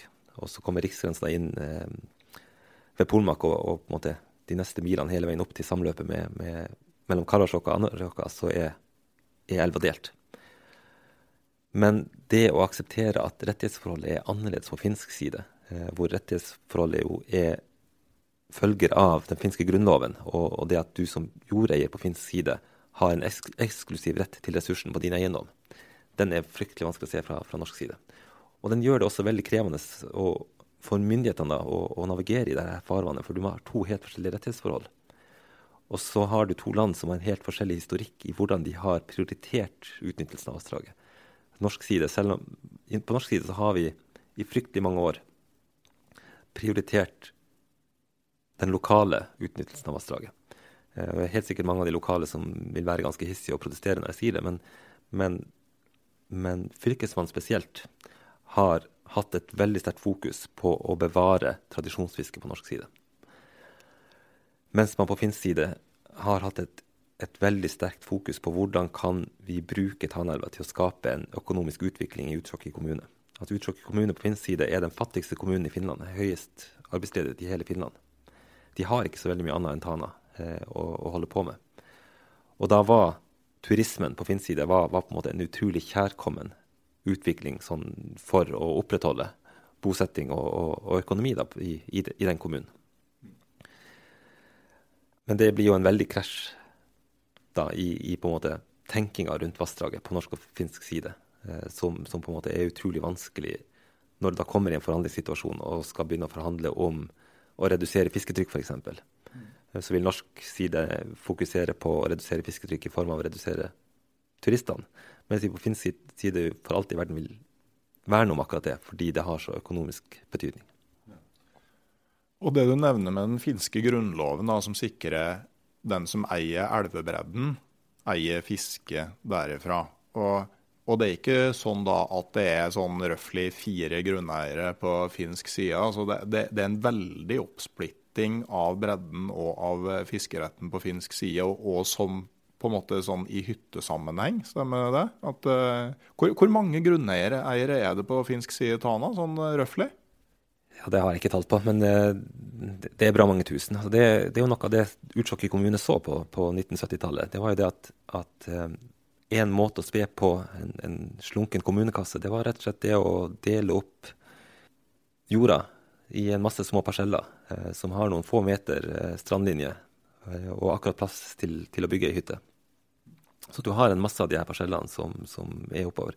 Og det er jo mye av grunnen til at når du, når du kjører langs Tanelva, så er det store deler av den finske strandlinja er uten fiskere. Og det er rett og slett fordi kjøper du et fiskekort, strandfiskekort i, Tana på finsk side, så har du ikke uten videre rett til å stå en plass og fiske. Du må ha en avtale med grunneieren også. Eh, unntaket er, er, noen deler av, av denne strandlinja som fremdeles er offentlig eid. Stor, rundt Storfossen f.eks. Men, men, men og, og, ser du en del av de områdene som er mest populære for å fiske med båt, eh, så er det ofte sånn Ser du et køsystem hvor de finske båtfiskerne eh, har en, en, en, rullering på å, å drive ned eh, og, og, dorge ned på en måte de gode, gode båtstrekningene. Og så har de pausebålene og sånt på norsk side. Sånn at de tar båten i land på norsk side og, og, og gjør rastinga der. Og det er rett og slett fordi, fordi ting er så oppdelt på finsk side, så de, de, kan ikke uten videre gå i land eh, en hvilken som helst plass. Eh, for de risikerer at de blir jagd, jagd derifra. Og de har ikke noe allemannsrett på samme måte som vi har i Norge, som, som på en måte gir det rett til å gå i land. Men Det sier jo litt om når, når, to så forskjellige lovverk skal kombineres. og Hvis jeg husker riktig, så må vedtak vedrørende Tana opp til kongen i, i, i statsråd i Norge? Ja, um, det, det, er for så vidt sånn sett nivået under uh, stortingsbehandling som, som, vi var nødt til å gjøre siste, den siste avtalen. Uh, men historisk sett så har vi på norsk side eh, måttet godkjenne alt som skjer i Tana, i statsråd. Eh, mens i Finland så må de opp i den finske riksdagen. Eh, vi måtte ta den siste avtalen mellom Norge og Finland måtte opp i, på stortingsbehandling i Norge. Eh, fordi det hadde økonomikonsekvenser for den norske stat. Og da må du inn til Stortinget. Da holder det ikke bare med statsråd. Så, så det, er, det, er, ganske tøft. Nå er jo den nye avtalen bygd opp på en måte som skal gjøre det lettere å, å ha fleksibilitet i forvaltninga. Eh, sånn at der vi tidligere hadde en veldig rigid, fastlåst situasjon hvor, det, hvor alle endringer måtte gjøres med store prosesser mellom de to landene, eh, så er det nå på en måte en mye større fleksibilitet. Og, og man har en verktøykasse i form av en del sånn forhåndsavtalte tiltak som landene er blitt enige om skal kunne implementeres gitt visse betingelser. Eh, og som skal kunne implementeres i sånne årlige forvaltningsmøter mellom landene. Eh, hvor, hvor, landene møtes. Hvor det er nedfelt i avtalen at, at, man skal møtes hvert år for å på en måte se om det er behov for å implementere de forhåndsavtalte tiltakene. Og I og med at de er forhåndsavtalt, og allerede har vært gjennom en høringsprosess, og allerede sånn sett har vært vedtatt i storting og riksdag, så kan de på en måte relativt fritt implementeres både ved å iverksettes og trekkes tilbake ved, ved senere tidspunkt. Og, det her eh, dreier seg om på en måte ting du skal gjøre hvis uh, fisket er dårlig, og altså på en måte hvordan, hvordan du kan stramme inn reglene uten å måtte gjennom en ny behandling? da? Ja, sånn som, sånn som jobben nå er i Tana, så, så, har vi på en måte det vi kaller en adaptiv, kunnskapsbasert og målbasert forvaltning. Eh, og da, da, starter vi med forskergrupper som gjør en vurdering av hver enkelt bestand eh, opp mot gytebestandsmål. Vi, har vi en måloppnåelse de siste fire år som er under, et, under en viss grense på rundt 40% Altså 40% sannsynlighet for at gytebestandsmålet er nådd siste fire år. Hvis du er under den, så skal du i praksis iverksette en gjenoppbyggingsplan for, for den bestanden. Eh, og det vil si at Da må du inn og identifisere hva er det som er påvirkninga. For de fleste bestander i Tana er det fiske. Og så, så, må du gjøre en vurdering. ok, eh, Hvor mye må den påvirkninga reduseres for at du skal kunne snu utviklinga og begynne å bygge opp igjen. I, I, og med at det er så mye tradisjoner og økonomier og sånt inne i Tana, så er det på en måte ikke noe, det er ikke noe valg å stoppe fisket.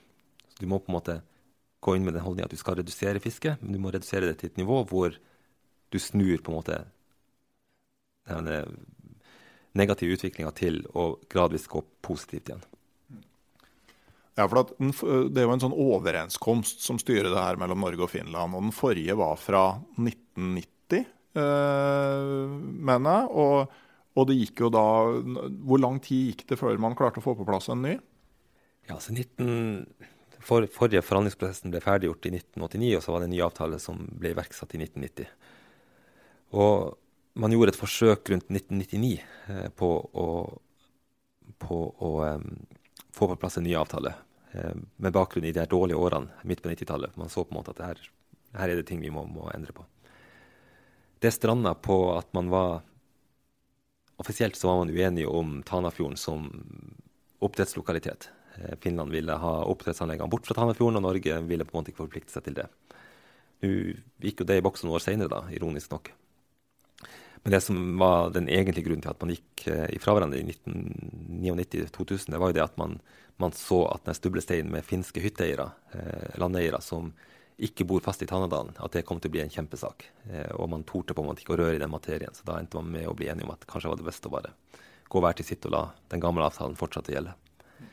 Men så kom jo de fryktelig dårlige årene utover 2000-tallet, og man så Spesielt urovekkende var det at du så den fenomenale utviklinga i Finnmark ellers. Vassdrag etter vassdrag som, som satte rekordår og aldri historisk, historisk tid engang eh, kunne si at de husker å ha hatt så mye fisk. Vestre Jakobselva f.eks. og, Syltyfjordelva er to veldig gode eksempler på det. Og så har du Tana, da, som driver og vaser ned i, ned i smørja og ikke, ikke, på en måte ser noe av det her. Og det fortalte oss jo at naturen rundt Finnmark er det ikke noe i veien med. Altså det, er, det, er, mer enn god nok forhold ute i havet til å ha god overlevelse der, og god vekst på, på laksen. Eh, det skal ikke være noe som tilsier at, at det er noe problem i ferskvannet heller. Det er ikke noe forurensning å snakke om i Tana. Det er ikke noe vassdragsutbygging. Det er på en måte ingenting sånt. Ikke noe sykdomsproblematikk, ikke noe oppdrettsproblematikk. Tanafjorden er, er fri for oppdrettsanlegg i dag. Eh, vi er nede i, i 0,0 noe prosent innblanding av rømt oppdrettsfisk i Tana. Eh, det er ikke noe lakselusproblematikk. Altså, det er ingenting på en måte annet enn fiske som, som, er på en måte å ta tak i. Og, og da ble det på en måte veldig tydelig at nå måtte noe gjøres. Så vi starta jo allerede i i 2007 leverte vi den første rapporten som på en måte sa at kom igjen, nå må noe skje. Og så var det jo en lang prosess å få på en måte gehør da landene imellom at, at ting man var nødt til å gå i, gå i, gang med. Og det ble vel, om jeg ikke husker helt feil, 2014 før, før landene formelt satte seg ved bordet og begynte å, begynte å forhandle. Og så ble man enig i 2017 til slutt ti år etter, etter, de første ordentlige alarmsignalene fra, fra forskerhold. Ok, men, men, hva konkret altså for det, det, med de finske hytteeierne det viste seg å være en snublestein. ikke sant? Altså Det er noe som har vært diskutert veldig mye. Uh, altså Rent konkret, hva er det som uh, har gjort det vanskelig? Det er jo det at, um, at det er vanskelig for norsk side å, å helt innse det her med at rettighetsforholdet på finsk side er annerledes enn det på norsk side. At det at du har en rettighetsdefinisjon i Finland som ikke er knytta til bosted, er på en måte fryktelig vanskelig å svelge for, eh, for de som bor lokalt på norsk side. Sånn det, det, at du kan kjøpe land, eiendom i Tana, og på en måte kunne peke på finsk lov og si at ja, men jeg har en rett etter denne loven. Eh, det er en helt legitim rett, men det er, det er, det er en tung kamel å svelge eh, for de lokale på norsk side, som på en måte ser en del av dere her er jo ganske rike folk som bor i, i Sør-Finland. Noen av de bor jo nede på kontinentet også, er ikke finske statsborgere i det hele tatt. Det er en sveitser annet som har, har en luksushytte oppe i Tana. Det på en måte skulle si at han da skulle ha en rett til å fiske i Tana på samme måte som, som de som jeg, må, må, leve der hele vinteren. Det, jeg skjønner veldig godt at det er vanskelig for de å forstå. Men samtidig så er det helt umulig å, å se for seg hvordan, hvordan dette skulle kunne ende opp med en avtale mellom landene hvis man ikke på en måte gjenkjente i avtaleteksten at det her faktisk er en rettighetsgruppe. Så det er på en måte det som er det nye nå i denne avtalen, den nye avtalen mellom Norge og Finland, så ligger nå de her fiske... Eller jordeierne, da, eh, som ikke er fastboende i Tana, de ligger som en egen gruppe. Men de må fremdeles kjøpe fiskekort, et døgnfiskekort, på samme måte som turistene. Men de betaler en lavere pengesum, og så har de litt utvida fisketid, og så får de lov til å registrere båt sjøl. Så det er en del sånne ting som ligger der som på en måte skal gjøre at du ser at de er en rettighetsgruppe. De er ikke en vanlig turist. Eh, men samtidig så blir de jo på mange måter behandla som en vanlig turist, fordi de må kjøpe et fiskekort av antall, et begrensa antall fiskekort. Og så er litt av problematikken også som gjør det enda vanskeligere for de her lokale svelget. Det er jo det at de her landeierne, etter finsk lov, så får de et fiskekort som ikke er personlig. Den er knytta til eiendommen deres. Det vil si at de er fri til å videreselge det fiskekortet. Så Har de en gjest på hytta si, så kan de videreselge et fiskekort til en fiskekortpris som de sjøl definerer, og sånn sett tjene penger på å selge fiskekort i Tana. Men de følger finsk lov helt og holdent. Ok, ja. Det, men det, det, viser jo på en måte hvor vanskelig det her egentlig er. For, for, på norsk side så er det jo eh, innbyggere i Tana og Karasjok kommune, og en liten del av Kautokeino kommune som ligger langs det må være langs Isjåka? Da. Ja, oppe ved Sosjavri. Ja. Som, eh, som, har spesielle rettigheter, altså som kan kjøpe sesongkort, som har lengre fisketid enn de tilreisende. Og, og de laksebreveierne, går det på de som har jordbrukseiendom, eller? Ja, etter Taneloven så for å fiske med faststående på norsk side, så må du produsere ett, det vi kalte ett kufor, da, eh, sånn i historisk tid. Så de må rett og slett ha en, en, liten eiendom som er stor nok til at de kan slå et visst antall kilo gress på den eiendommen. De trenger ikke å bruke det gresset til noe, men de må på en måte kunne peke på at her er det, her er det slått så og så mange kilo gress. Det er vel samme prinsippet som i Altaelva. Eh, der benevnes jo, så vidt jeg husker, de fiskekortene som går til medlemmene som kudøgn. Ja, det, det er helt parallelt. Ja. OK. Men uh, da kom det jo nye fiskeregler i Tana. Så kan du si litt om på en måte um, Altså, hva ble endringene med, de, med, den nye overenskomsten? Og uh, hva er det man ønska å oppnå med de endringene sånn rent forvaltningsmessig? Ja, det, det, er også et langt tema. Det, det er en grunn til at vi brukte så mange år på reforhandlinger som vi gjorde. holdt jeg på å si.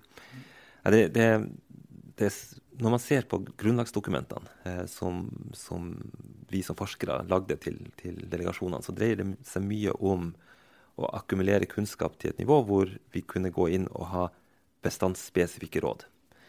Så jeg vil si at, at målsettinga her var at vi skulle få sett med fiskeregler som gjorde at alle bestandene i Tana hadde mulighet til å bli bra igjen eh, over en tidsperiode.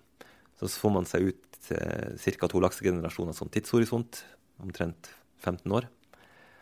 Så blir det spørsmålet hvor, hvor, mye må fisk i praksis reduseres da, på de bestandene som det går dårlig med, eh, for at man skal være gjenoppbygd i løpet av 15 år.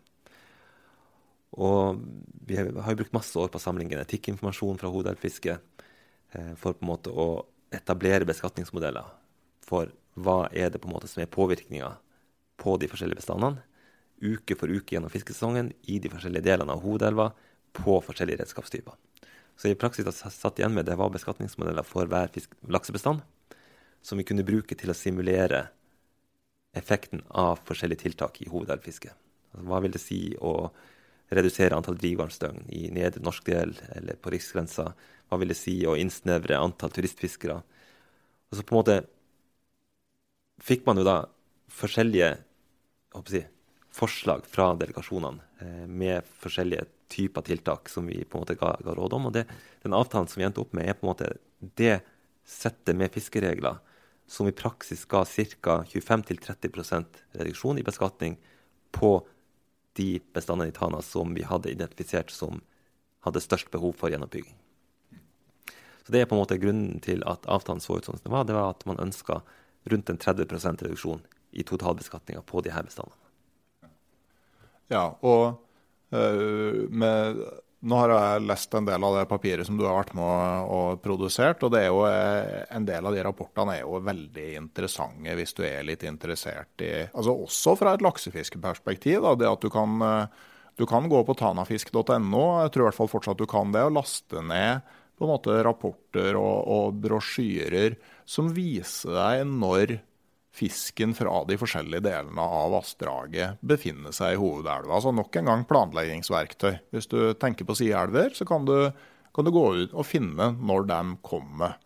Og jeg tenkte altså når jeg så at uh, tidlig drivgarnsfiske ganske kraftig innskrenka både i antall dager i uka og i perioden, så tenkte jeg at OK, ut fra det vi har lært nå, så er det noe som da vil slå veldig positivt ut for Gisjåklaksen og Karasjoklaksen som skal gå opp akkurat i den tida? Ja, ja det, det, er, det, er, veldig En av de tingene som jeg, sånn sett var enklest for oss som forskere å vurdere, det var på en måte en påvirkning av, av den store holaksen som skal opp i Karasjokka og Gjersjokka. Den, den, kommer veldig tidlig, og en stor andel av den fanges på, på drivgarn. Det er vel en av de minst populære delene av den nye avtalen. Eh, for drivgarnsfiske er er et veldig viktig fiske lokalt i Tana. Eh, spesielt i nedre norsk del, eh, for, for, veldig mange av, av der. Eh, det, mange av de laksebreveierne er bønder som har mer enn nok å stri med det aller meste av sommeren. De har ikke tida til å, å, å røkte stengsel og, og, på en måte investere masse i å få, få litt laks på den måten. Men drivgarnsfiske har, de på en måte hatt som en sånn utvei, fordi det foregikk veldig tidlig på sommeren, før de på en måte ble fryktelig opptatt med å, med å, å gjøre i stand jordene og, og, på en måte få, få gården i, opp og gå. Sånn det var på en måte en, en, en, plass hvor de kunne få den laksen de trengte for vinteren. Relativt enkelt. Eh, og Så kommer de her fæle forvalterne og forskerne og forteller de at det, det må de slutte med. Det, den svir veldig for, for de, og det, det, har jeg ingen problemer med å se. Jeg hadde sånn sett eh, i ettertid kanskje ønska meg at en del av de at, at delegasjonene hadde vært litt modigere på en del ting. Eh, vi hadde alternativer til, til Vi reiste en del sånn, sånn alternative tilnærminger som forskere som, som, på en måte ikke ble, ble tatt i bruk av forhandlingsdelegasjonene, som, som ettertid tenker hadde vært kanskje vanskeligere å forklare for folk, eh, og kanskje krevd litt av delegasjonene å få på plass, men jeg tror de kunne ha gjort at de hadde sikra en del av de her perspektivene i større grad. Eh, sikra tilgangen for en del av de som ikke har tilgang senere på sommeren, f.eks. pga. måten de lever på. At det kanskje kunne redusert konfliktene en del, men, men det er nå sånn, sånn, det ble. Ja, har du noen konkrete eksempler der? Eller? Ja, så mange, mange snakker f.eks. Om, om det med, med kvoter på laks. Hvorfor er det ikke kvoter på laks i Tana? Og det, Mye av grunnen til det er fordi vi så det ikke som så veldig gjennomførbart å, å på en måte ha kvoter som sådan. Men istedenfor kvoter så kunne man kanskje operert med kvoter på fiskedøgn, f.eks. For, for eh, garnfiskerne. Eh, og, og, og, hadde en, en relativt brei drivgarnsfisketid, f.eks. Eh, hvor hver laksebreier hadde la oss si f.eks. fire eller fem fiskedøgn tilgjengelig innenfor en, en, måned. Den gamle fisketida på 20. mai til 15. juni f.eks. Eh, da, da ville du sikra tilgangen for hver enkelt, eh, og samtidig ikke endt opp med en større sum på antallet fiskedøgn sånn sett som, som, i praksis ble brukt. da men du ville gitt folk fleksibilitet til å bruke det når de hadde anledning til det. Ok. Men uh, drivgarnsfiske, uh, for, å, uh, for, å, sikre storlaksen som skal opp i Isjåka og Karasjåka. Men sånn som den Anarjok-laksen, som da kommer ganske mye seinere, hva er de viktigste tiltakene for å hjelpe den? Ja, der var jo også sånn sett beskatningsmodellene ganske entydige. Og da, da, var vi plutselig med fokus rett over på turistfiske på riksgrensestrekninga, som på en måte var den store, den store faktoren i å ta, ta ut laks der. Og, eh, og, det er jo bakgrunnen for at altså, Historisk så har det jo vært ingen begrensning på antallet fiskekort eh, som ble solgt på Liksens-strekninga. Og finsk side har vel vært oppe i bortimot 40 000 kortdøgn bare på finsk side i, i, i kortsalg. Eh, sånn at eh, noe av det vi brukte mest tid på underveis i, i reforhandlinga, det var rett og slett å få Finland med på en, en, øvre, en øvre grense på hvor mange kort som skulle selges, selges på Riksgrensestrekninga. Det var, det, det var, en tung kamel for de på finsk side å svelge. Så var det tungt på norsk side å svelge f.eks. det med drivgarn og, og, og det med, med hytteeierkort, f.eks. Så det å få en øvre grense på antall fiskekort på finsk side det var fryktelig vanskelig. Og det er jo en av de tingene vi har sett i ettertid, en av de største konsekvensene eh, negativt i ettertid, det er jo det at, at det, er, det er folk på finsk side som relativt unge folk som har investert mye, tatt opp store lån i å bygge opp en turistbedrift, eh, og hvor de nå i praksis står ruinert tilbake. Det er noe å tenke på. Det, det er folk oppi der. Uh, og så er vel, har jeg rett når jeg sier at før så kunne du, hvis du kjøpte et fiskekort for land på riksgrensen, så kunne du uavhengig av hvilket land du hadde kjøpt den i, fiske på begge sider. Men det kan du ikke nå lenger. Nei, nå er strandkortene knytta til landet du er kjøpt i. Så skal du fiske langs stranda på norsk side, så må du kjøpe et fiskekort i Norge. Og Det vil jo da si at i og med at grunneierforholdene er sånn som de er med på finsk side, så er det ikke bare at du får kjøpt færre kort på finsk side. altså Kort er på en måte mindre verdt òg, fordi du ikke kan fiske på den åpne norske sida med det. Ja, det er i praksis en konsekvens. Det, men noe av ønsket der var jo på en måte det at man ønska å gi norsk side muligheten til å utvikle sin drift. Altså, vi har jo en lokal fiskeforvaltning nå på norsk side, et lokalt fiskeforvaltningsorgan med, med sin økonomi å, å drive på. Så, så, mye av innfallsvinkelen der var jo på en måte å gi Tana fiskeforvaltning de verktøyene de trengte for på en måte å kunne ha en økonomi inn i fremtida. Ja, for Er det sånn nå at de, de laksebreveierne nå har en sånn kortsalgsøkonomi? I prinsippet så, så skal det Ideelt sett så, så, skal det på en måte bli sånn kanskje en, en gang i fremtida. Eh, for det ligger, det ligger, en ordning her med at, at, eh, at han og fiskeforvaltning skal på en måte ta og, og gjøre drifta av kortsalget og, og, sørge for oppsyn og en del, en del sånne oppgaver. Eh, og så skal de på en måte ta den delen av inntektene de trenger Eh, for å drifte seg sjøl, og så skal på en måte overskuddet utover det fordeles. Eh, I praksis nå de siste årene så har det jo vært et stort underskudd. Som, som eh, Så det har på en måte ikke vært noe økonomi på den måten, da. Men, men målsettinga er vel at det skal, det skal drifte seg sjøl en gang i fremtida.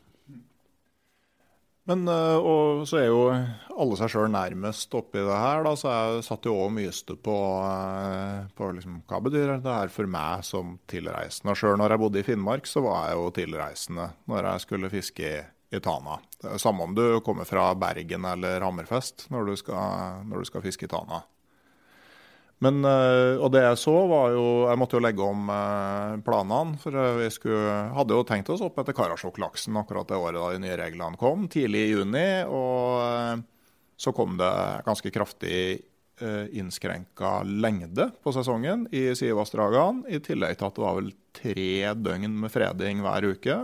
Fra søndag ettermiddag til onsdags ettermiddag. Fair enough. Um, og, og, så har det blitt endra nå. Nå er det i stedet et begrensa antall fiskekort som selges for hver norske sideelv.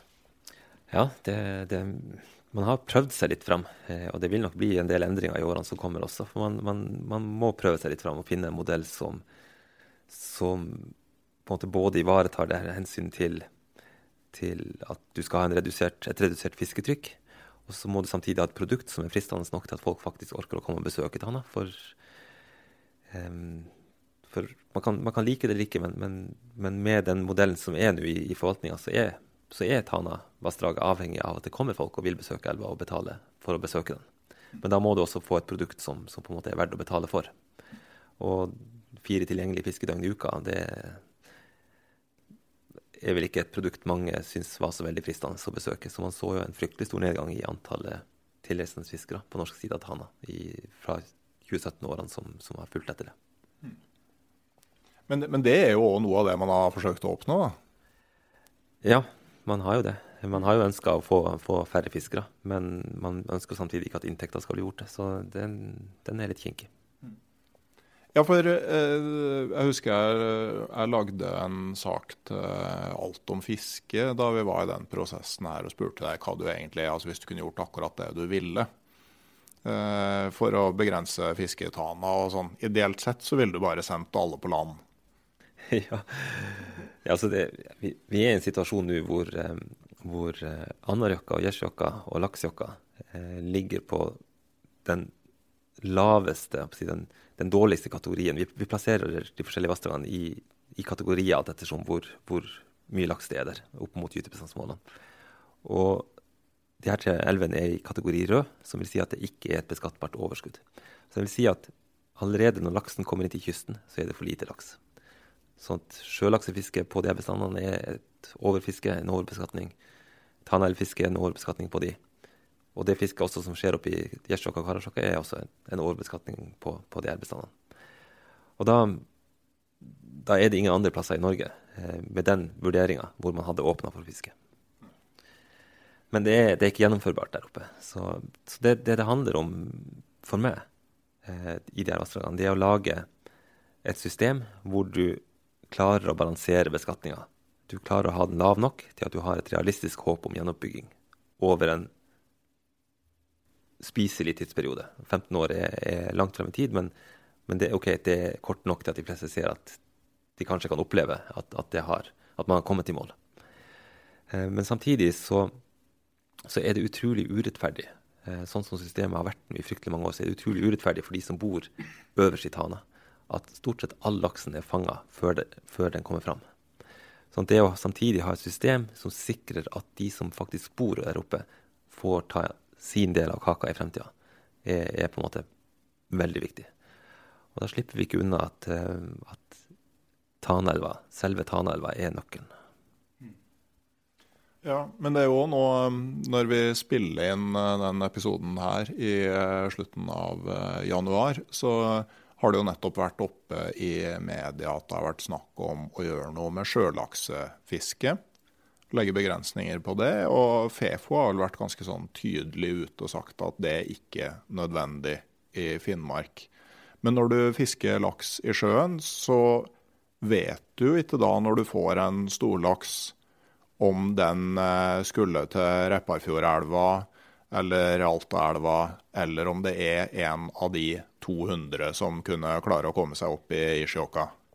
Nei, det er helt riktig, det. Og og Det er jo en av de, en av de problematiske tingene også som, som, på en måte spiller inn her. Eh, og det er, det er, ikke noe Finland ønsker veldig gjerne å få sjølaksefiske inn som en del av, av forhandlingsgrunnlaget, men, men, de måtte på en måte gå, gå, med på at det i denne sammen ikke, ikke, var så veldig relevant. Og det Norge sånn som det har forplikta seg til der, er jo på en måte å ha en, ha en edruelig forvaltning av sjølaksefiske. Si, heldigvis, eh, på en måte for Tana, så, så kommer tanalaksen såpass tidlig til kysten at den slipper unna mye av sjølaksefisket, rett og slett fordi den går langs kysten før sjølaksefisket starter. Og hvis du ser på hvor stor andel av innsiget av laks til Tana som blir fanga nå i sjølaksefiske, sammenligna med hvor stor andel som ble fanga på 70-tallet f.eks., så er andelen mye lavere nå. Og nå ligger vi på De siste årene så har eh, anslaget ligget på fra 12 til 20% av innsiget, altså som da blir fanga før før, eh, før Tana. Eh, det er på et helt annet nivå når du går vestover til, til Alta, f.eks., hvor 40, kanskje nesten 50% av innsiget blir fanga i sjølaksefiske. Så den relative påvirkninga av tanalaksen eh, av sjølaksefiske er, er, ikke skremmende høy. Eh, og jeg, jeg, tenker at det er på et nivå som, som vi burde tåle. OK. Nei, det, det, er jo interessant. Men eh, Da var det i 2017 at de nye reglene ble innført til den sesongen. Så vi har hatt tre sesonger med den nye overenskomsten. Eh, hvordan har det gått? Ja, det har vært ymse. Vi har jo hatt tre veldig spesielle år. 2017 hvor vi omtrent drukna i Tana. Det var så mye vann at uh, vi kunne like gjerne latt være å overvåke, for, for uh, det var nesten umulig å få til. Og så kommer 2018 da, som, som den utrolig store kontrasten med tidlig isløsning i, i, april måned allerede. Eh, vårformen ferdig i midten av mai. Eh, når vi kom ut i juni, så var det lav sommervannføring etter hvert og borti 20 grader i vannet. Det er et utrolig spesielt år. Eh, og så 2019, da, som er litt mer kanskje vanlig type fiske, fiskesesong. Så det er litt sånn Det har vært litt, litt krevende å vurdere hva som har vært konsekvensen av, av den nye, nye reguleringa. Men vi landa i årets rapport på at, at eh, 2018 og 2019 indikerer at intensjonen om 30 reduksjon eh, ser ut til å være oppfylt. Og, eh, og sånn som bestandsgjennombyggingsmodellene ser ut, eh, så er den reduksjonen vi ser nå, er tilstrekkelig til at vi skal få en gjenoppbygging over to laksegenerasjoner. Sånn at jobben med å få laksen tilbake er på mange måter gjort. Eh, nå handler det om å være tålmodig eh, og på en måte stå løpet ut av de neste 15 årene. Det er jo utgangspunktet positivt. Og så, og så får man seg jo noen trøkker for altså, I 2019 var en veldig dårlig smålakssesong. Og jeg ser at dere relaterer det muligens til den veldig varme sommeren i 2018. At uh, smolten gjorde noe rart da og uh, fikk dårlig overlevelse. Ja, så jeg kan peke på, på um, Vi har én elv i, i, Tana hvor vi teller smolt. Det er Utsjokki, hvor det er telt smolt siden 2002. Um, et av de beste årene med smolt ut var 2018. Det gikk voldsomt mye smolt ut av Utsjokki i 2018. Sånn at alt lå til rette for en fenomenalt god smålaksoppgang i 2019. Og Istedenfor fikk vi de svakeste tallene av ensjøvinterlaks i tannene som vi nesten har sett. Så det er åpenbart en helt ekstraordinær dødelighet som har foregått i den tidsperioden eh, fra, fra, smolten gikk ut til den skulle komme tilbake. Eh, og det her med, med, lite smålaks det var jo noe som vi så over ganske stor skala. Så det, det, det, var ikke bare Tana, det, det var på en måte et mønster vi, vi så over hele Finnmark. Så det er tydelig at det er noe med, med Og da, da, er vi på en måte over på at miljøforholdene har spilt et puss for, for, laksen. Og det er ikke så mange andre ting enn en, den veldig spesielle sommeren 2018 å, å, å, gripe tak i. da. Høy vanntemperatur, lav vannstand. Da gikk smolten veldig tidlig. Sannsynligvis mye tidligere enn han burde gjort ute i havet. Eh, kanskje kommet ut, i, ut på kysten i en periode før kyststrømmen hadde dratt alle de viktige fiskelarene nordover. Eh, sånn at han, han, kanskje han kommet ut i en periode hvor det rett og slett var veldig lite mat tilgjengelig. Eh, kanskje er den høye vanntemperaturen et problem. Eh, når han går nedstrøms sånn, så, så har han ikke så veldig mye tid til å spise den smolten. Men høy vanntemperatur gjør jo at altså Laksen er jo vekselvarm, sånn at hvor mye energi kroppen bruker, er avhengig av hvor høy vanntemperatur du har.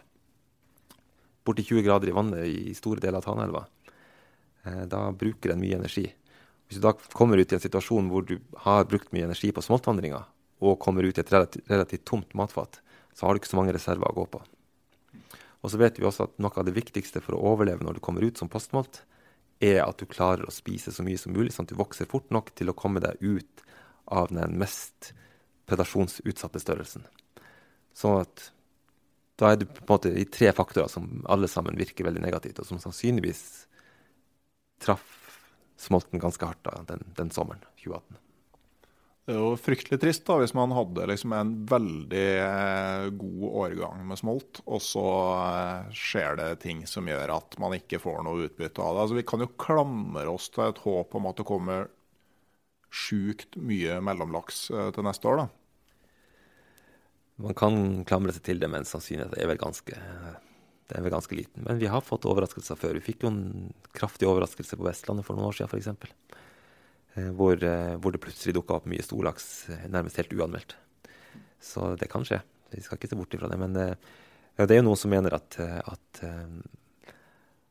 at en av tingene som gjør at fisken velger å vente med å komme tilbake, er at den har litt dårlig vekst og sånn sett ikke vokser nok som i løpet av det første året, og sånn sett da velger et år til for å på en måte kompensere for det. Jeg, jeg tror ikke det kommer til å skje, dessverre. Noe, noe, av grunnen til det også er at, at eh, hannlaksen har ikke så mye å tjene på det. Altså det Om hannlaksen kommer tilbake som en fisk for ett kilo eller ett og et halvt eller to kilo, betyr ikke så veld, nødvendigvis så veldig mye. Så det er en grunn til at, at størstedelen av fisken som kommer tilbake som smålaks, er hannlakser. Og det, eh, det, det, forteller oss egentlig at det har foregått en stor dødelighet. Det at det er så lite hannlaks som kommer tilbake. Ja, for, for hannlaksen så er det på en måte to strategier. Enten å komme tilbake så fort som mulig, eller vente skikkelig lenge og være 20 kg og kunne jage bort alle når du kommer på gyteplassen. Ja, det, det, er så enkelt som det. Men eh, hva slags verktøy bruker dere til å overvåke Tana nå? Altså, hvordan holder dere kontroll på oppgang og gytebestand og sånne ting? Ja, det er en innsats eh, som, som, som krever ganske mye logistikk. Eh, vi har ikke så mye an, mange andre måter å gjøre det på enn, enn å bruke den teknologien vi har til å telle.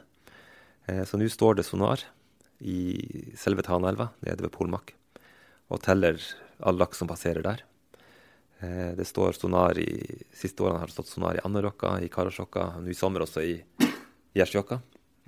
Så har vi videokamera i, i Laksjokka og Utsjokk. Og I tillegg så er det snorkling eh, på høsten i noen utvalgte områder. I Øvre Polmak og et par små finske sideelver. Så til sammen så, så, har vi et ganske godt bilde av antallet som på en måte vandrer opp i forskjellige deler av Tana. Og kan relatere det til fangststatistikk, eh, f.eks. til å vurdere fisketrykket på oversida. Og så har vi det store hovedelvfisket, som jo i praksis er et fiske som foregår mer eller mindre blindt på alle bestandene i Tana. Eh, og, og det, det, er ikke noe, Laksen kommer ikke med noen merkelapp i utgangspunktet som forteller at det her var en karasjokkalaks eller en, en laksjokkalaks eller valljokkalaks. Sånn at man må bruke Og da, da, er det på en måte veldig greit at, at, laksen er stedegen, den vandrer til sin egen plass, har gjort det i tusenvis av år. Det gjør også at den har hatt masse tid til å utvikle genetiske forskjeller. Så du kan ta skjellprøver av laksen og nærmest kjøre en farskapstest på den eh, eh, for å finne ut hvor den hører hjemme. Og, og på den måten da, så, så, klarer man å få et bilde av i hvilken grad hovedelvfisket har påvirka de forskjellige bestandene i Tana. Eh, og får sånn sett et tall på hvor mye laks som er blitt borte i hovedelvfisket, som du kan legge på estimatet på hvor laks, mye laks som vandrer opp i de forskjellige sideelvene, og hvor mye laks som har overlevd fram til gyting. Og sånn sett få et ganske godt bilde av det faktiske beskatningstrykket på de forskjellige bestandene. Ja, for Er det sånn at uh, liksom det tradisjonsfisket så tas det skjellprøve av uh, all laks?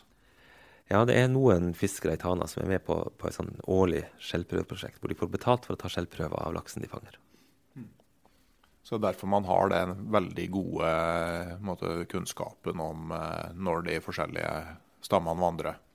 Ja, det er et utrolig, utrolig verdifullt materiale. Det starta opp midt på 70-tallet. 1970-tallet var de første finske fiskerne i gang med, med å samle inn. Og på 90-tallet så kom norske fiskere også med. Så det gjør at vi har jo en tidsserie tilbake til 1973, de første prøvene. Men 1975 var på en måte det første året med, med, med mange prøver.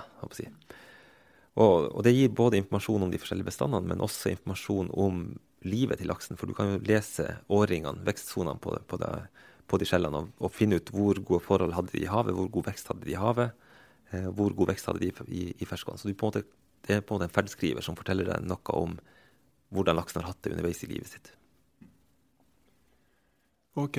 Men uh, når det Du, du sier du vi, vi, har fått den 30 med reduksjon i, i, i, fisketrykk. Altså, har du trua på at vi kan få Karasjok, nei, ikke Karasjokka, men at vi kan få har du trua på at vi kan få Tana opp igjen til de høydene den var ja, rundt årtusenskiftet og kanskje enda tidligere. Ja, jeg har eh, trua på det. Eh, jeg syns jo det vi ser i resten av Finnmark, viser at det går an. Eh, og, det, det handler på en måte om å, om å, å være tålmodig og ikke minst tåle at, at, ting kanskje oppleves litt urettferdig. Det er mange som opplever at nye reguleringer er urettferdige. Og når man ser på, på den relative byrdefordelinga, så er det ingen tvil om at de som fisker med garn, har tatt en relativt mye større andel av byrden enn de lokale som fisker med stang, f.eks. Eh, så det, det, er åpenbart en urettferdighet der som, som kanskje er verdt det å se nærmere på nå i, i, i, årene som kommer, for å se om man kan opprettholde den reduksjonen i fiske og samtidig få en litt mer rettferdig byrdefordeling, f.eks. Men nå er det, ikke, det er ikke bare positivt bilde rundt, rundt, laksen i nord heller. Eh, ser man på utviklinga i Barentshavet, eh, så, så, virker det som at den gamle gamle oseanografien rundt Barentshavet har endra seg. Eh, at Barentshavet har gått fra én stabil tilstand hvor det har ligget som buffer mellom Atlanterhavet og, og, Polhavet, at det har brutt sammen, og at Barentshavet nå i praksis er bare en forlengelse av Atlanterhavet. Eh, tegn som kanskje tyder på at lodda f.eks. har vandra lenger nord som en konsekvens av det. Eh, og hvis vi ser på utviklinga den, den naturlige variasjonen, eh, hvis vi skal kalle det det, da, eh, på finnmarkslaksen, så ser det ut som den er til en viss grad er knytta opp mot bestandsstatus på lodda. At uh, de gode årene for laksen også er gode år for lodda, og at lodda sånn sett er en liten nøkkel. Eh, forsvinner den nordover, så betyr det kanskje konsekvenser for laksen som, som vi ikke helt vet om ennå. Så det er et uh ja, som alltid med naturen, og ikke minst med en, en art som laksen, da, som er avhengig av såpass mange forskjellige biotoper og tilstander dem gjennom et relativt langt livsløp, så, så er det mye usikkerhet. Men, eh, men tror du innerst inne at liksom, når ungene dine blir voksne, så kan du ta dem med oppover i Laksjokka eller Karasjokka? og og vise dem det du opplevde da du var på samme alder? Ja, jeg, jeg har trua på det. Det er vel litt av det som gjør at man har motivasjon til å, til å investere såpass mye tid som man tross alt gjør i, i Tana. Det har vært uh, Jeg har vært heldig sånn sett uh, og fått lov til å jobbe med, med vassdrag. Og det, det, er, det er et tøft vassdrag å jobbe i den forstand at, at, det betyr så utrolig mye for så mange folk. Uh, og når det da på en måte kommer utenfra For nå nå er jeg ikke lenger en Tanamann. Jeg bor i Tromsø og, er på en måte bare på besøk i Tana. Da er jeg, da er jeg en utflytta tanaværing som våger å, på en måte ha en del upopulære meninger. og det er vel jeg håper å si, ingen som blir så upopulær som akkurat, akkurat sånne. Ut, uten bygds bedrevitere. Um, men, men, men, det er på en måte litt av det som, som, gir motivasjon, er det at det er et vassdrag som er så viktig for så mange. Da, da blir det desto viktigere å gjøre det rett. Og prøve på en måte å få ting så rett som mulig. Og jeg, jeg, tror at vi er på riktig spor nå. At eh, om noen år så kommer vi til å se de første tegnene til at, at utviklinga er på tur til å snu. Men så er det denne usikkerheten med at, at det, er ikke bare, det, det, er ikke bare fiske vi har gjort noe med, men, men, vi som mennesker har gjort noe med verden rundt oss. Eh, og, og, det skjer på stor skala. Det er på en måte noe som vi overhodet ikke har noe mulighet til å kontrollere, og det kommer til å få konsekvenser for for vassdraget. Ikke bare for det som skjer ute i havet, men, men også for, for selve elva. Um, isen, isgangen i Tana nå er én til to uker tidligere enn den historisk brukte å være. Uh, vi har en mye mindre flom nå enn det vi historisk brukte å ha. Den gamle, tradisjonelle, kraftige isgangen som rista hele Tanadalen, er på en måte borte. Nå smuldrer isen bare bort. Uh, det er tegn til at den nedre delen uh, er blitt grunnere og grunnere. sannsynligvis fordi fordi du ikke lenger har de store flommene og de skurende isgangene som på en måte flytter mye av sedimentene ut i fjorden. Eh, Nå blir på en måte mye liggende igjen. Det er masse sånne ting som, som på en måte har endra seg i vassdraget, og som vi har ingen, ingen, forutsetninger per i dag til å vite hvordan konsekvens det vil ha da, for, for, for det, vi, det, vi, ser i Dana. Så det, det, er vel noe av spenninga rundt, rundt, det der. At eh, ok, vi kan, vi kan, fortelle oss hvordan det burde bli i fremtida, basert på hvordan ting har vært. Men så vet vi også at det er ting som forandrer seg. Og hva slags konsekvenser og måter det forandrer seg på, det, det vet vi ikke. Nei. Det er jo et greit siste ord å ta med seg i den forvaltningsbiten. Eh, jeg må innrømme at jeg, måte, jeg tok meg sjøl i å nikke anerkjennende og litt sånn sjølrettferdiggjørende når du sa at det fortsatt måte er viktig at det er attraktivt å komme til Tana og fiske. For jeg jeg har tenkt meg dit til sommeren. Da, men da er det et par sånne prosjekter som jeg ikke gjør fordi jeg tror jeg kommer til å få mye fisk. Jeg har et håp om å komme bort til stor fisk, men jeg vet at det hadde vært lurere å dra andre plasser. Men det er et eller annet med det vassdraget der som er så utrolig fascinerende at uh, det er to prosjekter på ulike tidspunkt som jeg bare er nødt til å sjekke ut i år.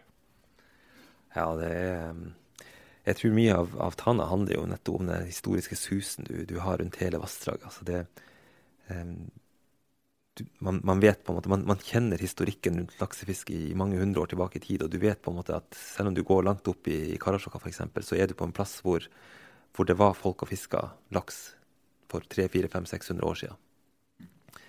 Og, og, selv om du ikke ser noen spor av de, sånn, så vet du på en måte hvor, hvor altoverskyggende viktig selv de utilgjengelige områdene i praksis har vært for, for, for den befolkninga som da var, var rundt Elvedalen. Og, og hvordan på en måte det er en hel elvedalsbefolkning som, som har vinkla hele livet sitt rundt, rundt historisk da, rundt laksen som ressurs. Og det, den, den, kjenner du på når du er og besøker vassdraget. Den følelsen. Kan du trekke det videre sånn til dem som har hatt mer sånn eksistens som vår? Altså med Hans Lidman, som har en sånn klassisk historie hvor han går langt inn i en ikke navngitt sideelv av Tana for å fiske etter den storlaksen som han veit kommer til å stå i en spesiell kulp, og hvor han holder på til det er tomt for mat og tomt for kaffe. Og han til slutt klarer å få den laksen her til å ta, og ikke ane åssen han skal orke å gå ut igjen. Han ender med å sette ut igjen fisken fordi han klarer ikke å bære den. Og konkluderte med at hadde det gått ett døgn lenger før den fisken tok, så hadde han ikke overlevd eh, det hele her. Og det er vel i en av de bøkene som faktisk ble gitt ut etter Hans Lidmanns død, og etter at han da avslutta livet sjøl. Så det setter jo den historien i et litt sånn spesielt perspektiv. Altså så på en måte fangende kan Tana være, da. Jeg har hatt stor glede av å lese Hans Lidman. Jeg har kjent meg sjøl igjen i, i, mye av det han har skrevet og, og tenkt. Mm. Ensomheten og den store laksen langt fra folk, den er det i Tanavassdraget du finner. Så eh, jeg skal ikke oppfordre lytterne til noe som helst, men har du lyst til å starte et detektivarbeid, så er tanafisk.no et greit sted å, å, starte. Og dra ikke til Tana fordi du skal få mye fisk. Men eh, hvis du vil føle litt på mystikken, lage deg et eh, detektivprosjekt og oppleve frustrasjonen når ting overhodet ikke stemmer med det du trodde, og til slutt gleden over et visst sammenfall, så er nok Tana elva for deg, eller vassdraget. Tusen takk, eh, Morten, for at du har eh, brukt en eh, hel kveld på å sitte her og prate om Tana sammen med meg og, og lytterne. Det var veldig interessant og veldig hyggelig, og jeg mener fortsatt en podkast kan aldri bli for sær og for smal. Så eh, det her har i hvert fall i mine øyne vært en, en vellykka oppfyllelse av en episode jeg visste jeg skulle lage helt fra starten. Så tusen takk for at du ville være med. Ja, sjølsagt. Det, det, var veldig interessant. Det var mye Det setter ting litt på, på spissen i egne tanker, og måtte, faktisk måtte prate om det. Og ikke bare sitte og tenke på et kontor sjøl. Ja. OK. Da sier vi tusen takk til dere som har klart å henge med helt hit. Og hvis dere ikke har blitt fullstendig lei, så går det an å laste ned en ny utgave av podkasten Uteliv, som da vil eh, materialisere seg på eh, nett før du veit ordet av det. Ha det bra.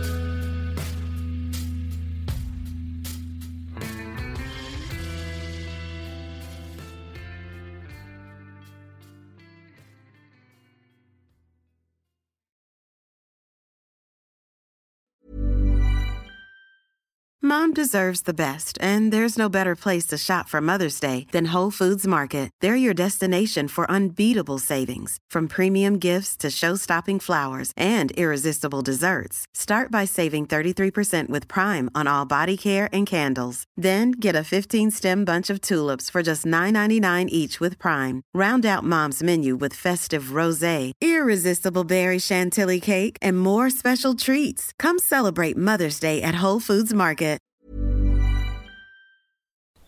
Hei, jeg heter Nore Helligsen og er daglig leder i Barents Outdoor. Det beste vi kan gjøre for planeten, er å redusere forbruket vårt og få mer ut av det utstyret vi allerede har. Men vi vet av erfaring at bruken av telt kan endre seg over tid. Det teltet du kjøpte for to år siden, passer kanskje ikke det behovet du har i dag. Derfor har vi i Barents etablert en egen panteordning der vi tar imot brukte telt av god kvalitet i innbytte når du kjøper et nytt av oss. Prosessen er enkel. På barentsoutdoor.no gir det oss informasjon om teltet du vil bytte inn. Basert på det får du et tilbud fra oss som gir deg rabatt på ditt neste Barents-produkt. Mer info og betingelser finner du på barentsoutdoor.no. Og husk at den første reparasjonen på produkter fra Barents er alltid gratis.